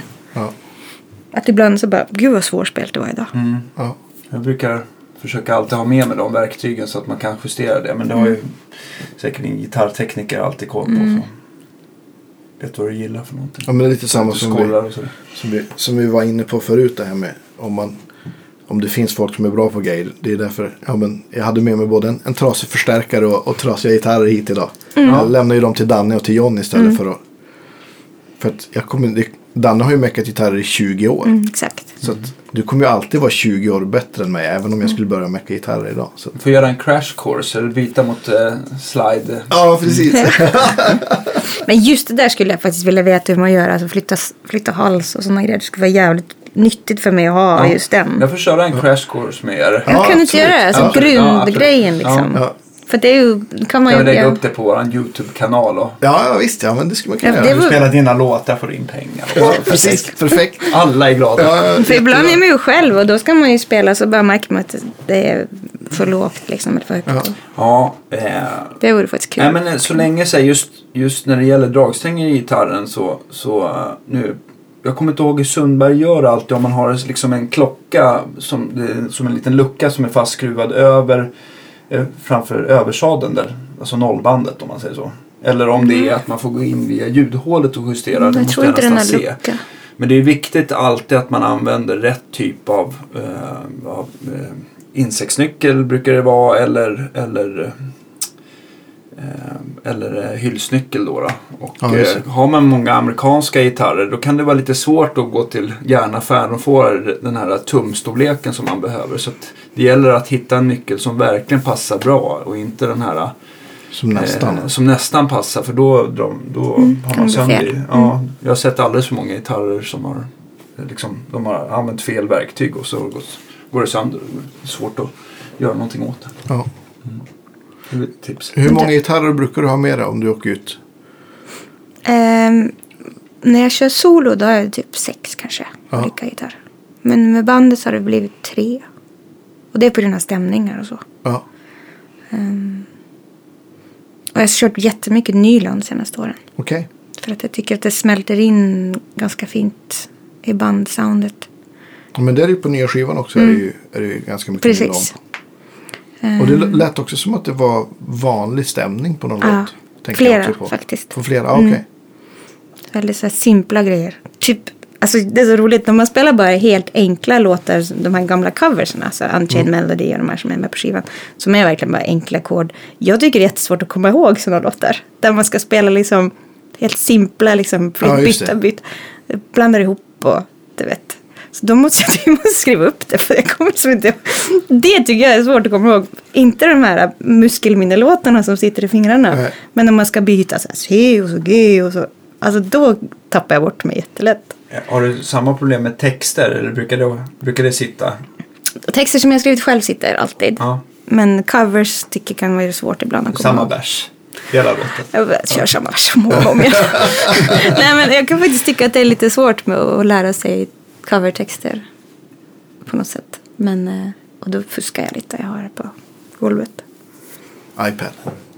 Nej, faktiskt. Nu på den här konserten Det, så... det är utvisning. Då, Ja. kommer jag, då springer jag upp med röda kort. Dannes retrohjärta börjar backa fort. Ja, jag sa det. Ingenting Det är som lite gör mig så panik det här. upprörd. Det är väldigt Som, praktiskt. ah, nej men så här iPad på själva mickstativet. Det är ju...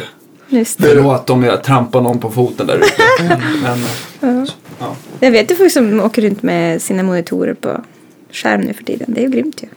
När man kan fixa sin egen ljud. Ja, ja Mm. visst. Det är ju fantastiskt. ja. Det är bara mm, Ja, men då kan man stoppa telefonen i bakfickan. Ja, sen. exakt. Ja. Jo, nej men det är okej. Men just det här med just då när folk sitter med, eh, med tar på sig eh, kanske läsglasögon och ska läsa till på sitt eh, notstativ så man inte ser ens vad han Ja. han sjunger. Nej. Jag kanske vänjer mig, jag vet Ja. inte. Ja. Ja, men du är ju, mer, du är ju en showman också. Ja, Det precis. brukar Jag det. inser att jag kan inte ha någon notpapper där framför Nej, det går mig. inte. skulle Du kommer bara- ju bara riva skulle ut dem där. Ja, det skulle bara flyga och förstöra allt. Ja. Så, att, ja, Ja. så är det. Eh, Jo, jag tänkte på... Eh, eh, dels har jag lite fler frågor, men jag kommer att tänka på... Vi brukar ju alltid ställa den här frågan eh, för att liksom luska fram vad man har för favoritgitarr så här, när, när det, det brinner i hemmet. Och, för Ah. Mm. alla barn och familj och allting är ute. Men man måste ta, får bara ta med sig en av Just det. gitarrerna. Är det någon som du håller extra kär då? Alltså det är ju den ena Sundberg-gitarren som jag verkligen gillar. Eller som är ganska speciell. Som är, som är gjorde... Och det är inte Bamsefar. Ja, den är också fin alltså. Mm. Men jag skulle... Jag vet inte, det är nog den som jag... Jag fick mitt namn på, på bandet. Vi la ganska mycket kraft till den. Jaha, En så låt. den är som, som på den här gitarren att det är Exakt. ingre- Ja. Nu är det säkert Magnus som har gjort det här för han hjälper ju Sundberg. Ja, och det här var ganska många år sedan nu. Jag vet inte om de har Aha, då jobbat i kanske så han många år. gjorde det själv i och för sig. Nej, jag tror, ja. han, jag tror han skickade iväg till typ utlandet eller någonting. Ja, men till Ah, USA. förr Jag i tror att han tiden, pratade ja. om det faktiskt. Ja, i- precis. Ja, men Och nu, sen och, så hittar så, man- och så ja, sa det är bra. han nu Just det. senast att han var väldigt nöjd med den nya som Ja. han fanns i Sverige. Så det är kul. Grattis Ja, Magnus. Det var kul. Ja. Eh, Men eh, den, den låter ju vä- väldigt, väldigt fint. Alltså. Mm. F- f- Även om den är också sliten faktiskt tyvärr på grund av resorna och så. Men eh, den låter fortfarande väldigt fint. Ja, men de ska ju vara så- tunt lackade. Ja, jag tror att Sundberg alltid använder den här cellulosalacken som är ganska skör också. Okej. Bara för att eh, ju tjockare lack desto mer Just dämpade det. klangen. Ja, det var så coolt på den filmen att titta hur han s- bankar på locket och stämde. Ja, det tyckte jag locket också och- var Jag blev så ytterst imponerad. Det fascinerande. var wow. Ja. Jag hade aldrig heller sett det så Superspännande. här. Lyssnade så här. Då. Ja, Men det är det de har tid, eller tid, men det är det man kan göra kanske lite grann som när man bygger eh, gitarrer från scratch. Att man hinner göra den där handpåläggningen för alla lock. Som till exempel på Martin eller Taylor-fabriken. Då blir det ju så här, ska de göra en batch på 1500 gitarrer då måste de ju såga en tjocklek på locket som, som funkar för alla. För att vridstyvheten i locket kan ju skilja sig otroligt mycket. Så att det är Ja, inte på så trä, mycket- olika träbitar. Ja, precis. det är klart. Då, hin- då hinner de inte stå där med sandpappret och Mm. wax on, wax off eller vad det blir. Ja. Men apropå gitarrer, den gitarren här hemma, den köpte jag, det var jag och David på, på turné faktiskt. Och så var jag på en loppis. Och då var det en sån Ledin, nej, Ledin, Levin, Levin, Levin-gitarr. Eh, Bjarton Levin-gitarr som hängde i Trondheim till 250 spänn utan strängar. Perfekt. Och då gick jag ut till David bara, vad tycker du om det? Ska jag köpa den? Han bara, titta på den lite bara, ja men det här kan nog bli sch- schysst liksom. Och den har jag hemma. Det är min Mm. hemmagitarr. Den hänger på väggen och den, den plockar jag ner och den är jättehärlig. Mm. Den är liksom så här, ganska dämpad ljud. Man liksom, den är Är riktigt det, mys. en, är det alltså parlor eller en... Nej, vanlig en nylonsträngstorlek. Ja, ja, det är en nylon. Okej. Ja. Just det, jag har en gitarr till. Som, en el, elgitarr till. En gammal... Eh, fan. Du påminner väldigt mycket om eh, Andreas just nu. Så bara, just det, jag har ju faktiskt en sån pedal också. Eh, Ja, men- Det var lite- Alltså jag har ju en, fortfarande en Martin-gitarr och, Ja. och så har jag den här eh, som jag köpte. Det här är ganska kul för Howie Gelb. Vet ni vem han är? Från Giant Eh, Nej, nej, Sand. nej. Nej. Giant Sand-sångaren. Howie Gelb är amerikan. Han, jag kände honom lite. Vi skulle, för många år sedan så skulle vi eventuellt jobba tillsammans. Så skulle vi gå ut och köpa en gitarr tillsammans till mig. Och då köpte jag en gammal så här eh, ha- halvakustisk. Tror jag man kallar det. Eh, troligen en akustisk som har gjort om till en elgitarr. Den för typ 40-talet eller nåt så här. Ett så här jazzburk-feeling. Med Liksom. får. Ja men den är ju lika tjock som en vanlig stålstränga. Det är inte liksom en sån. Fast mer Ja, just det. välvt lock liksom. Nej. Nej. Man har liksom... Ja, men- alltså- men jag skulle ha förberett mig lite mer innan jag började prata om den här gitarren känner jag nu. Men det är liksom min andra... Den andra, den en, andra gången i mitt liv jag tänkte jag skulle börja spela elgitarr, det var den gitarren. Mm. Den hänger i min studio och är jättesnygg, men jag har liksom inte använt den. Och jag kände att jag måste göra. Den är fin. Den är inte, så- den var inte så dyr heller. Det var så här, jag köpte den på halv- Halkans Halkans eller något sånt Mm. där. Så. Men gud, jag har ju ingen info om den. Jag får, Nej, nej, nej. jag får men det- messa er sen. Vi tar det nästa gång. Vil- Vilken var gitarren du valde om, om det brann? Det, det, Det är nog den Sundberg-gitarren. var den Sundberg-gitarren. Vil, vilken av dem var det då? Det är Vilken den, size? eh, inte det OM då? Tror jag. Orkestra Model. Ja. Okej. Vänta, Det eller? är alltså OM. Nu Nu vet måste jag jag inte tänka. om Sundberg gör likadant men om man tän- tänker Martin-språk så är det Orkestra Model. Och den är väl att den ska vara full storlek. Eh, Alltså Är det fullskalig mindre? med 25 25,5 Nej, skala. den är normal, stor. Alltså då Ja. är det säkert den. Och den, den, den OM och trippelnoll är väl samma size. Men den här dubbelnollan den borde vara lite mindre. Och sen så har du Parlor och ytterligare lite Exakt. Mm. mindre. Ja. Och Bamse Far är stor som en. Var, var hamnar Dreadnought i den här skalan då? Dreadnought är större än, än OM. Okej. För Barytonen heter typ Och sen finns det Dreadnought. Jumbo och ja. Ja, Barytonen är Dreadnought-modell. Ja, precis. just det. Dreadnought är väl så här att de har namn, de namngav väl den efter något krigsfartyg va? Jaha, nej, jag har Ja, inget. jo, Alltså, det är men därför alltså- jag frågar. För det här med Jo, men storlekar Dreadnought kan jag är, inte på det, är ett, Akigiri. det är ett krigsfartyg som heter det och det var ju då salespointen att den skulle vara extra ljudstark. Liksom. Ah, okej. Okej. Stor Och som sen, ett sen, så, sen så fick jag förklarat också för Martin, vilket jag tror föga på, men när de här gitarrerna introducerades då var det liksom D för till exempel att det var en Dreadnought eller O för Orchestra Model. Men sen så var nummerbeteckningen eh, hur många dollar den kostade och jag har ju svårt att tänka mig att en, en D28. D28 kostade 28 dollar när den kom, men ja. Det, det, Var det det, så? lå, det låter ju fint när hon presenterar det på det sättet, hon från Martin. Men nej, jag är skeptisk. Men ni som, som kan det här, vad, vad är det för modeller det här de har som hängt på väggen? Oj. Eh, Om man tänker jag har- klassiska modeller. Jag har Fender Strata här. Ja. Ja, den är väl... Den kom 54. En klassisk Mm. Ja, den är ju Fender Strata. väldigt klassisk. De här har ju Tobbe, det är hans egen modell de två. Eh, Tobias Lindberg. Mm. Är de inspirerade TLL. av Ja, de är, någonting? Ja, vad ska man säga? Jag tycker att det är liksom som en inspiration, blandning mellan Dan Electro, Gretsch och Gibson. Ja, Lite grann. han Det har är ju lite- väldigt eget formspråk. Ja, skulle lite jag vilja do- säga. art deco. Ja, De, de ser tillräckligt retro ut för att jag ska, inte ska få tomatskörden Mm. på mig då. Så. där du står på scen. Ja, precis. Och vad, vad är er favoritgitarrer då? Har ni en var eller? Ja, men det, jag har ju min, den här, äh, Det är den. guldfärgade där, liten Danny Boy. Den får, Den den... som åker ut i brand. Den, den, får brinna inne. Nej, jag skojar. Nej, men den tar jag. Du Nej, då? jag, Therese? jag tror nog faktiskt... Ja, Roligt att vi får så här men verkligen. motfrågor. Det här är Fakt- första faktum var gången. Min, eh, min man systers tänker son till. Kalalvi var och hälsade på förra veckan och var med och vi spelade in poddar. Då frågade han mig efter. Ja, men vad skulle du ta för gitarr Andreas? Och, då, f- och det är jättesvårt. Men jag tror faktiskt att jag landade på min, en av mina Weissenborns som verkligen. Den låter liksom jätte, Mm. Jag tänkte att det skulle jättebra. vara den strattan jag sålde till dig. Att den Ja, var... ja, men den ligger också. Den är, den är så här topp tre. Men, men den känns ändå så här. En bra stratta skulle man kunna hitta. Men Ja. jag, jag har säkert Det är testat 30 plus Weissenborns och jag har aldrig hittat någon som låter bättre. Är det det som Ben Harper spelar? Ja, Mm. exakt. Ja, just det. Jag har märkt en sak att nu har jag faktiskt bara gitarrer kvar som jag har fått beställda efter hur jag vill ha dem. Ja. Och det är de enda gitarrerna som jag har behållit under längre tid. Ja. Förutom en sån här billig slide-gitarr som jag inte har hittat någonting som, eh, som låter så bra som den som- gamla Tascon för 800 kronor. Ja. Som jag köpte av Mm. Tommy Cougar 2000 eller någonting. Ja, sånt där. shit. Mm. Den har, den har gjort, varit med på varenda spelning sedan dess. Så den har ju betalat Jag sig. vill ju fråga er massa om era gitarrer. Ja, shoot, Ja, shoot. kör Hur va. många gitarrer är du Andreas? Åh, shit vilken bra fråga. Vet du?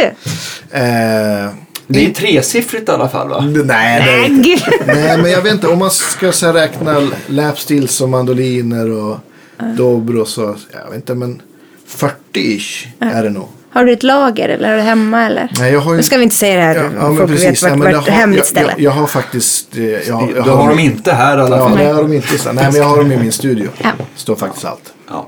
För det hemliga stället. Ja, precis. Den, den lilla mancave. Ja, men precis. Nej, men så att jag har... Där, där har jag allt. Har du allt hängt på väggen eller har du det Nej, de, i ja, lådor? nej, det är både och. Det står i ställ och det hänger på väggar och, och det ligger i caser. Det, ja.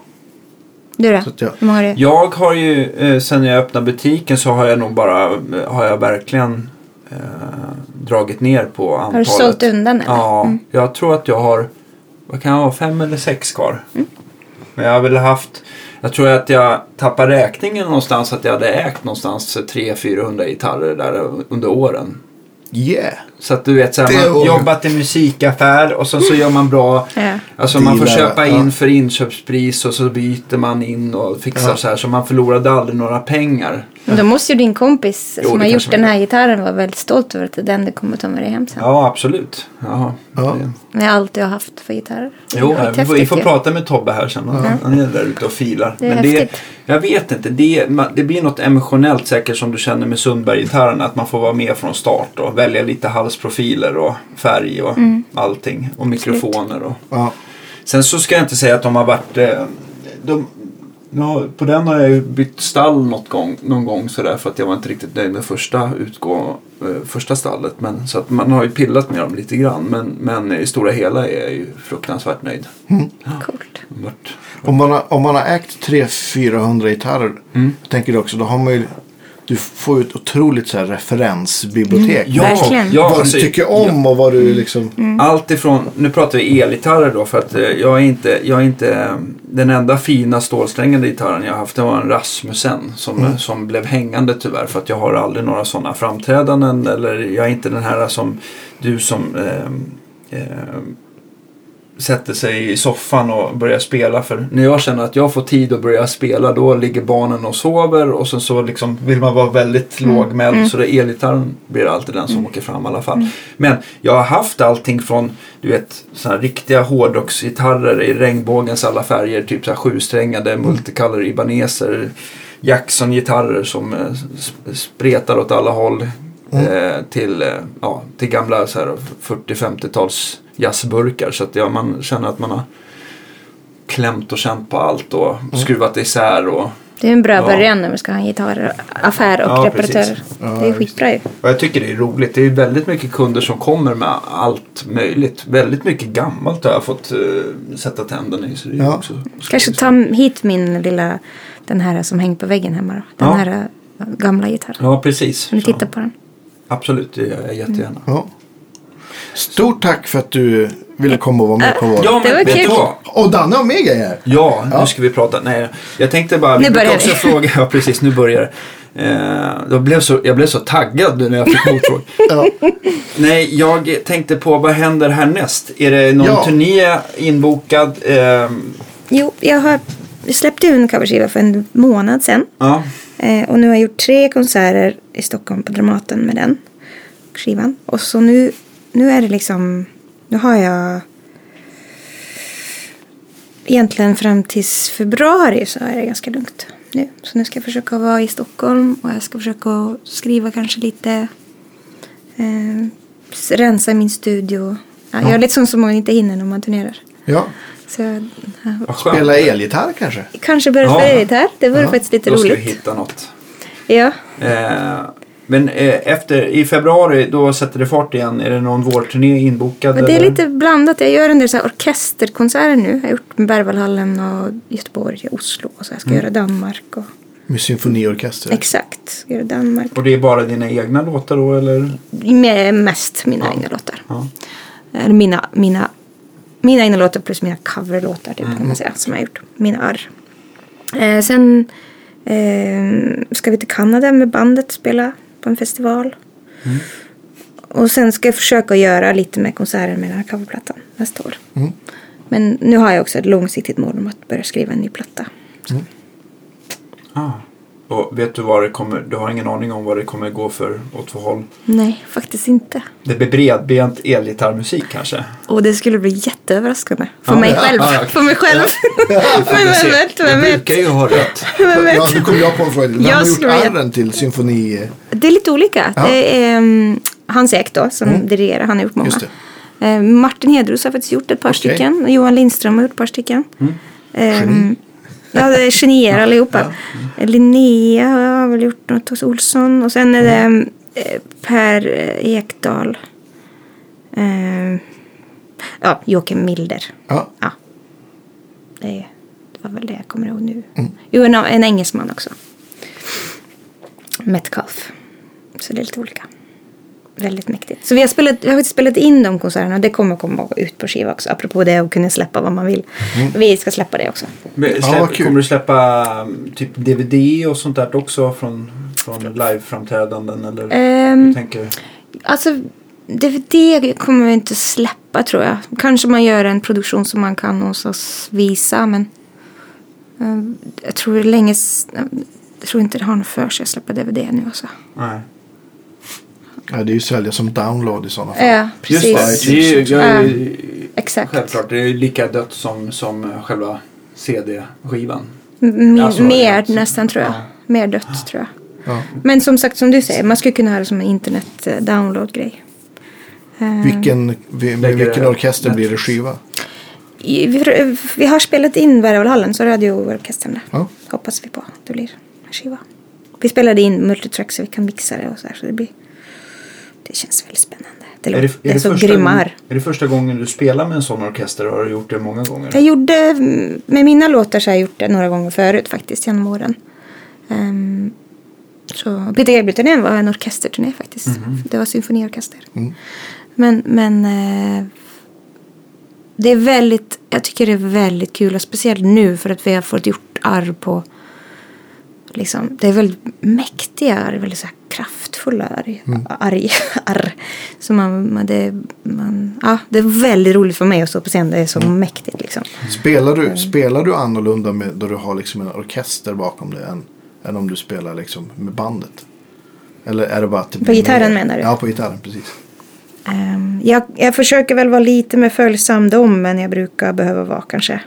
Alltså med bandet så följer de mig. Mm. En orkester är lite svårt då. Ja, men jag tänkte så här, en orkester, eh, de gånger man får spela med storband som läser innantill, då gäller det verkligen att ha formen i och allting Ja, i det- huvudet. ja, det finns ju inte, man- an- ja. annars Man faller kan ju det inte- totalt. Man kan, Ja, inte vilket gå jag en erfarit. takt, man kan inte gå en takt fel. Då är man helt out. Ja. Men, men eh, det är väl skillnaden att jag måste ha örat på dem på ett annat sätt än jag kanske gör när jag spelar med bandet. Mm. För att bandet följer ju mig mera. Än... Är du, är du en in-ear-människa eller en, en... Det har blivit det. Ja. Mm. Tycker du att det är lättare just... eh, Med röstmässigt? orkester är det ju fantastiskt att gå in i det. De har med- det är, ju- alltså med en band också tycker jag. För att det är liksom det här med sång. Ja. Alltså, Det blir enklare. det, alltså jag har så bra lurar nu också. Det är så b- bra mixat. Så jag, det känns som att man liksom är i en studio. Mm. Om man bara tänker om i huvudet att nu är jag i en studio, jag är inte på scen. Så blir det, Just det. jättelikt som att vara i en studio. När man Mm. En har en studio bra... med massa folk. Exakt. Live studio of performance. Nej men, men eh, så det är lite en inställningssak. Mm. Brukar jag säga till de som inte är van. Mm. Hur mycket, hur, Har du bra lurar så är det som att du står i en studio. Ja. ja, precis. Men det gäller att din, eh, din tekniker gör ett väldigt bra det är också förarbete. viktigt, liksom. självklart. För Man annars måste kan ha en man bra väl- soundcheck så man får en bra monitor. Men är det liksom förinställt så att det blir exakt samma varje kväll? Eller Ja, kan det... Ah, det är så skönt. Ja. Soundcheck blir ju smooth alltså. Ja. Verkligen. Alltså det, det tycker jag faktiskt har gjort jätteskillnad på turnerandet. Att man kommer till ett nytt ställe, soundcheck kanske tar max en halvtimme för Mm. att man bara kopplar upp och så hör man att allt är som det ska vara. Typ. Mm. Mm. Man soundcheckar nästan Alltså, mer för så- front of house än för sig själv. Exakt. Och så mycket energi som, som inte går bort. Alltså, Mm. Soundcheck kan vara fruktansvärt jobbigt i längden. Ja. Vad har du för lurar då, måste jag fråga. Jag har sådana här uh, Ultimate Mm. Ears-lurar som är stöpta. Ja, Det är väl nästan dem och sen så finns det väl några, vad heter de, JH Audio? ja just det. någonting sånt där, Sådana va? har Som- jag. Det var ju han som startade, vad heter det? Ja, som, Ultimate Ears. som sålde och Ja, exakt. Men de är väl, Ja. jag antar Ja, att det de är är samma. snarlika. Sen- Det är så värt pengarna. Alltså Lätt, jag håller herregud med. Mm. vad det är värt pengarna. Vad, vad, vad, alltså ett par vanliga billiga in-ear som ändå som, klass, som är tänkt som in-ear, de är, det börjar väl för runt tusenlappen Mm. men sådana gjutna som ni har, Nej, det är de väl, kan ju gå upp till 20 000 tror jag. Ja. Men eh, det- det har inte jag, men det kan man ha. Ja. Liksom. Men det, det är ju... Det är en, om man ska turnera mycket så har in-ears produktion, alltså det är ju värt pengarna tusen Ja, jag gånger håller om. med. Herregud. Och så kan man ha på flygplan. Jätteskönt. Mm. Ja, de tar ju bort nästan 30 dB. Så att det, ja, precis, jag brukar ha det där Och reser. Så bra sätter för jag in öronen. utan musik och bara. Ja, exakt. Och också på scen, alltså rent för hörseln också. Mm. Att man kan ta ner det ganska mycket, man behöver inte köra så högt. jag har ju kört in-ear men aldrig gjutet sådär. Mm. Ja. Jag tycker just att det här, jag kan tänka mig att ljudet är när man sjunger, att de liksom håller sig på platsen. Oljuten, det är nästan så att de börjar glida ur och man får Exakt. trycka tillbaka och sådär. Irriterande. Och att jag antar att de här ljutna dämpar mycket mer. Och jättemycket mer. Man hör ju inte vad folk säger till den. Nej. Så här. Nej, men då, om det är en riktigt stor scen så kan det nästan, om man har liksom av sitt pack så kan man se att trummisen så här slår på en cymbal men man hör det inte. Nej. Det blir nästan lite så här overkligt. Ja, exakt. Det kan, det, man, man förlorar ju någonting också självklart. mm. Så när jag gjorde min solokonsert då, då sa jag att jag ville göra med monitorer och stagefills. Så Mm. då hade jag liksom stagefills på sidorna och en monitor framför mig. För så spelar jag konserthuset ofta. Och då kändes det så här helt weird att stå med in-ears själv. Mm. Ja, visst. liksom. I sin egen bubbla. Det kändes jättekonstigt. Så då, då ville jag liksom höra och känna publiken så att Spela jag inte var runt. liksom. helt själv Ja. Mm, i alla fall. Och det var, det var jätteroligt. Då fick jag en helt annan upplevelse. Så, men då behövde jag inte förhålla mig till någon annan. Då hade jag bara mitt sound. Så. Ja. Nice, nu står det ti- stilla i mitt huvud. Så här, Hur känner jag mig?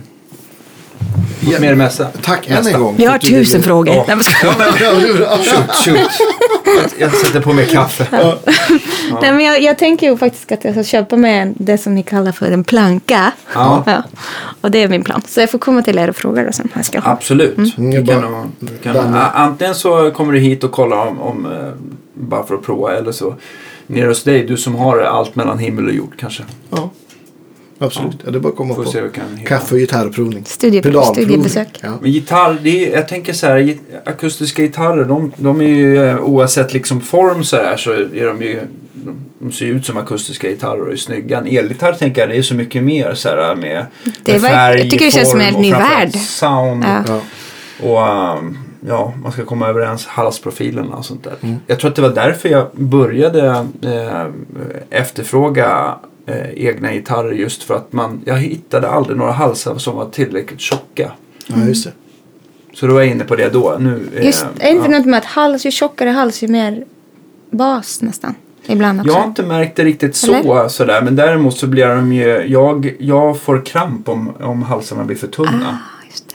Så jag får inte tillräckligt med stöd tycker jag. Men nu, Ergonomiskt helt Ja, enkelt. precis. Men sen så tycker jag också att det finns ju en gräns när det blir för tjockt. Då blir det ju kramp åt andra hållet. Det Mm. ska vara De precis borde ju lagom. bli stabilare också tänker man rent, Mm. rent logiskt bara. Ja, den här fänden, den har jag ju nog aldrig. Den, den justerar jag aldrig. Det spelar Nej. ingen roll vart jag än åker eller någonstans. Den, den är konstant. Eh, Men är det en sån perfekt i där jag borde halsen. ha eller? Bara en helt enkel Fender.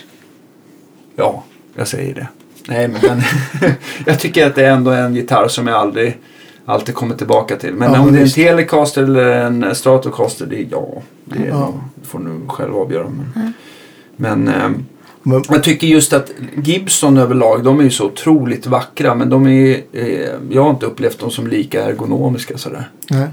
Så att, eh, Ja, men både Tele och, och Stratta och, och ja, Les Paul är läskig. Men, men kanske framförallt Tele och Stratta tycker jag blir lite så här öde ö gitarr. De, Mm. Det går att göra så mycket med dem och få fram så mycket olika ljud. Det- För jag tror att det jag blev förälskad i med gitarr var ju just den här känslan av en akustisk gitarr i knät som vibrerar. Alltså det, är ju, det var där det f- hände för mig på något du sätt. kanske ändå inte ska ha en planka. Nej, men det är därför jag aldrig har liksom klivit in i den världen. Men Mm. jag vill ju det. Jag ska göra det. Jag kommer göra det, jag lovar! Ja, men du kanske kan en, eh, alltså en halvakustisk gitarr. Mm. Alltså en eh, 335 jag tänker. typ Det har, 335. det, har faktiskt, det har jag faktiskt haft en gång. Men de är ganska stora också. Du ska ju också tre. Jag tycker 335 är för stor. Kanske är vanlig sak i och för sig. Nej, men jag ska, jag ska faktiskt testa plankan. Ska visa min Dusenberg som står här Ja. Mm. ute in case sen. Ja, På tal om sommar. Okej. Var det bra slutord eller? absolut. Jättebra. Ja. Tack för idag. I hereby promised by a plank. Yes. Det låter bra. ha det så bra. Vi hörs i Hej då. veckan. Hej.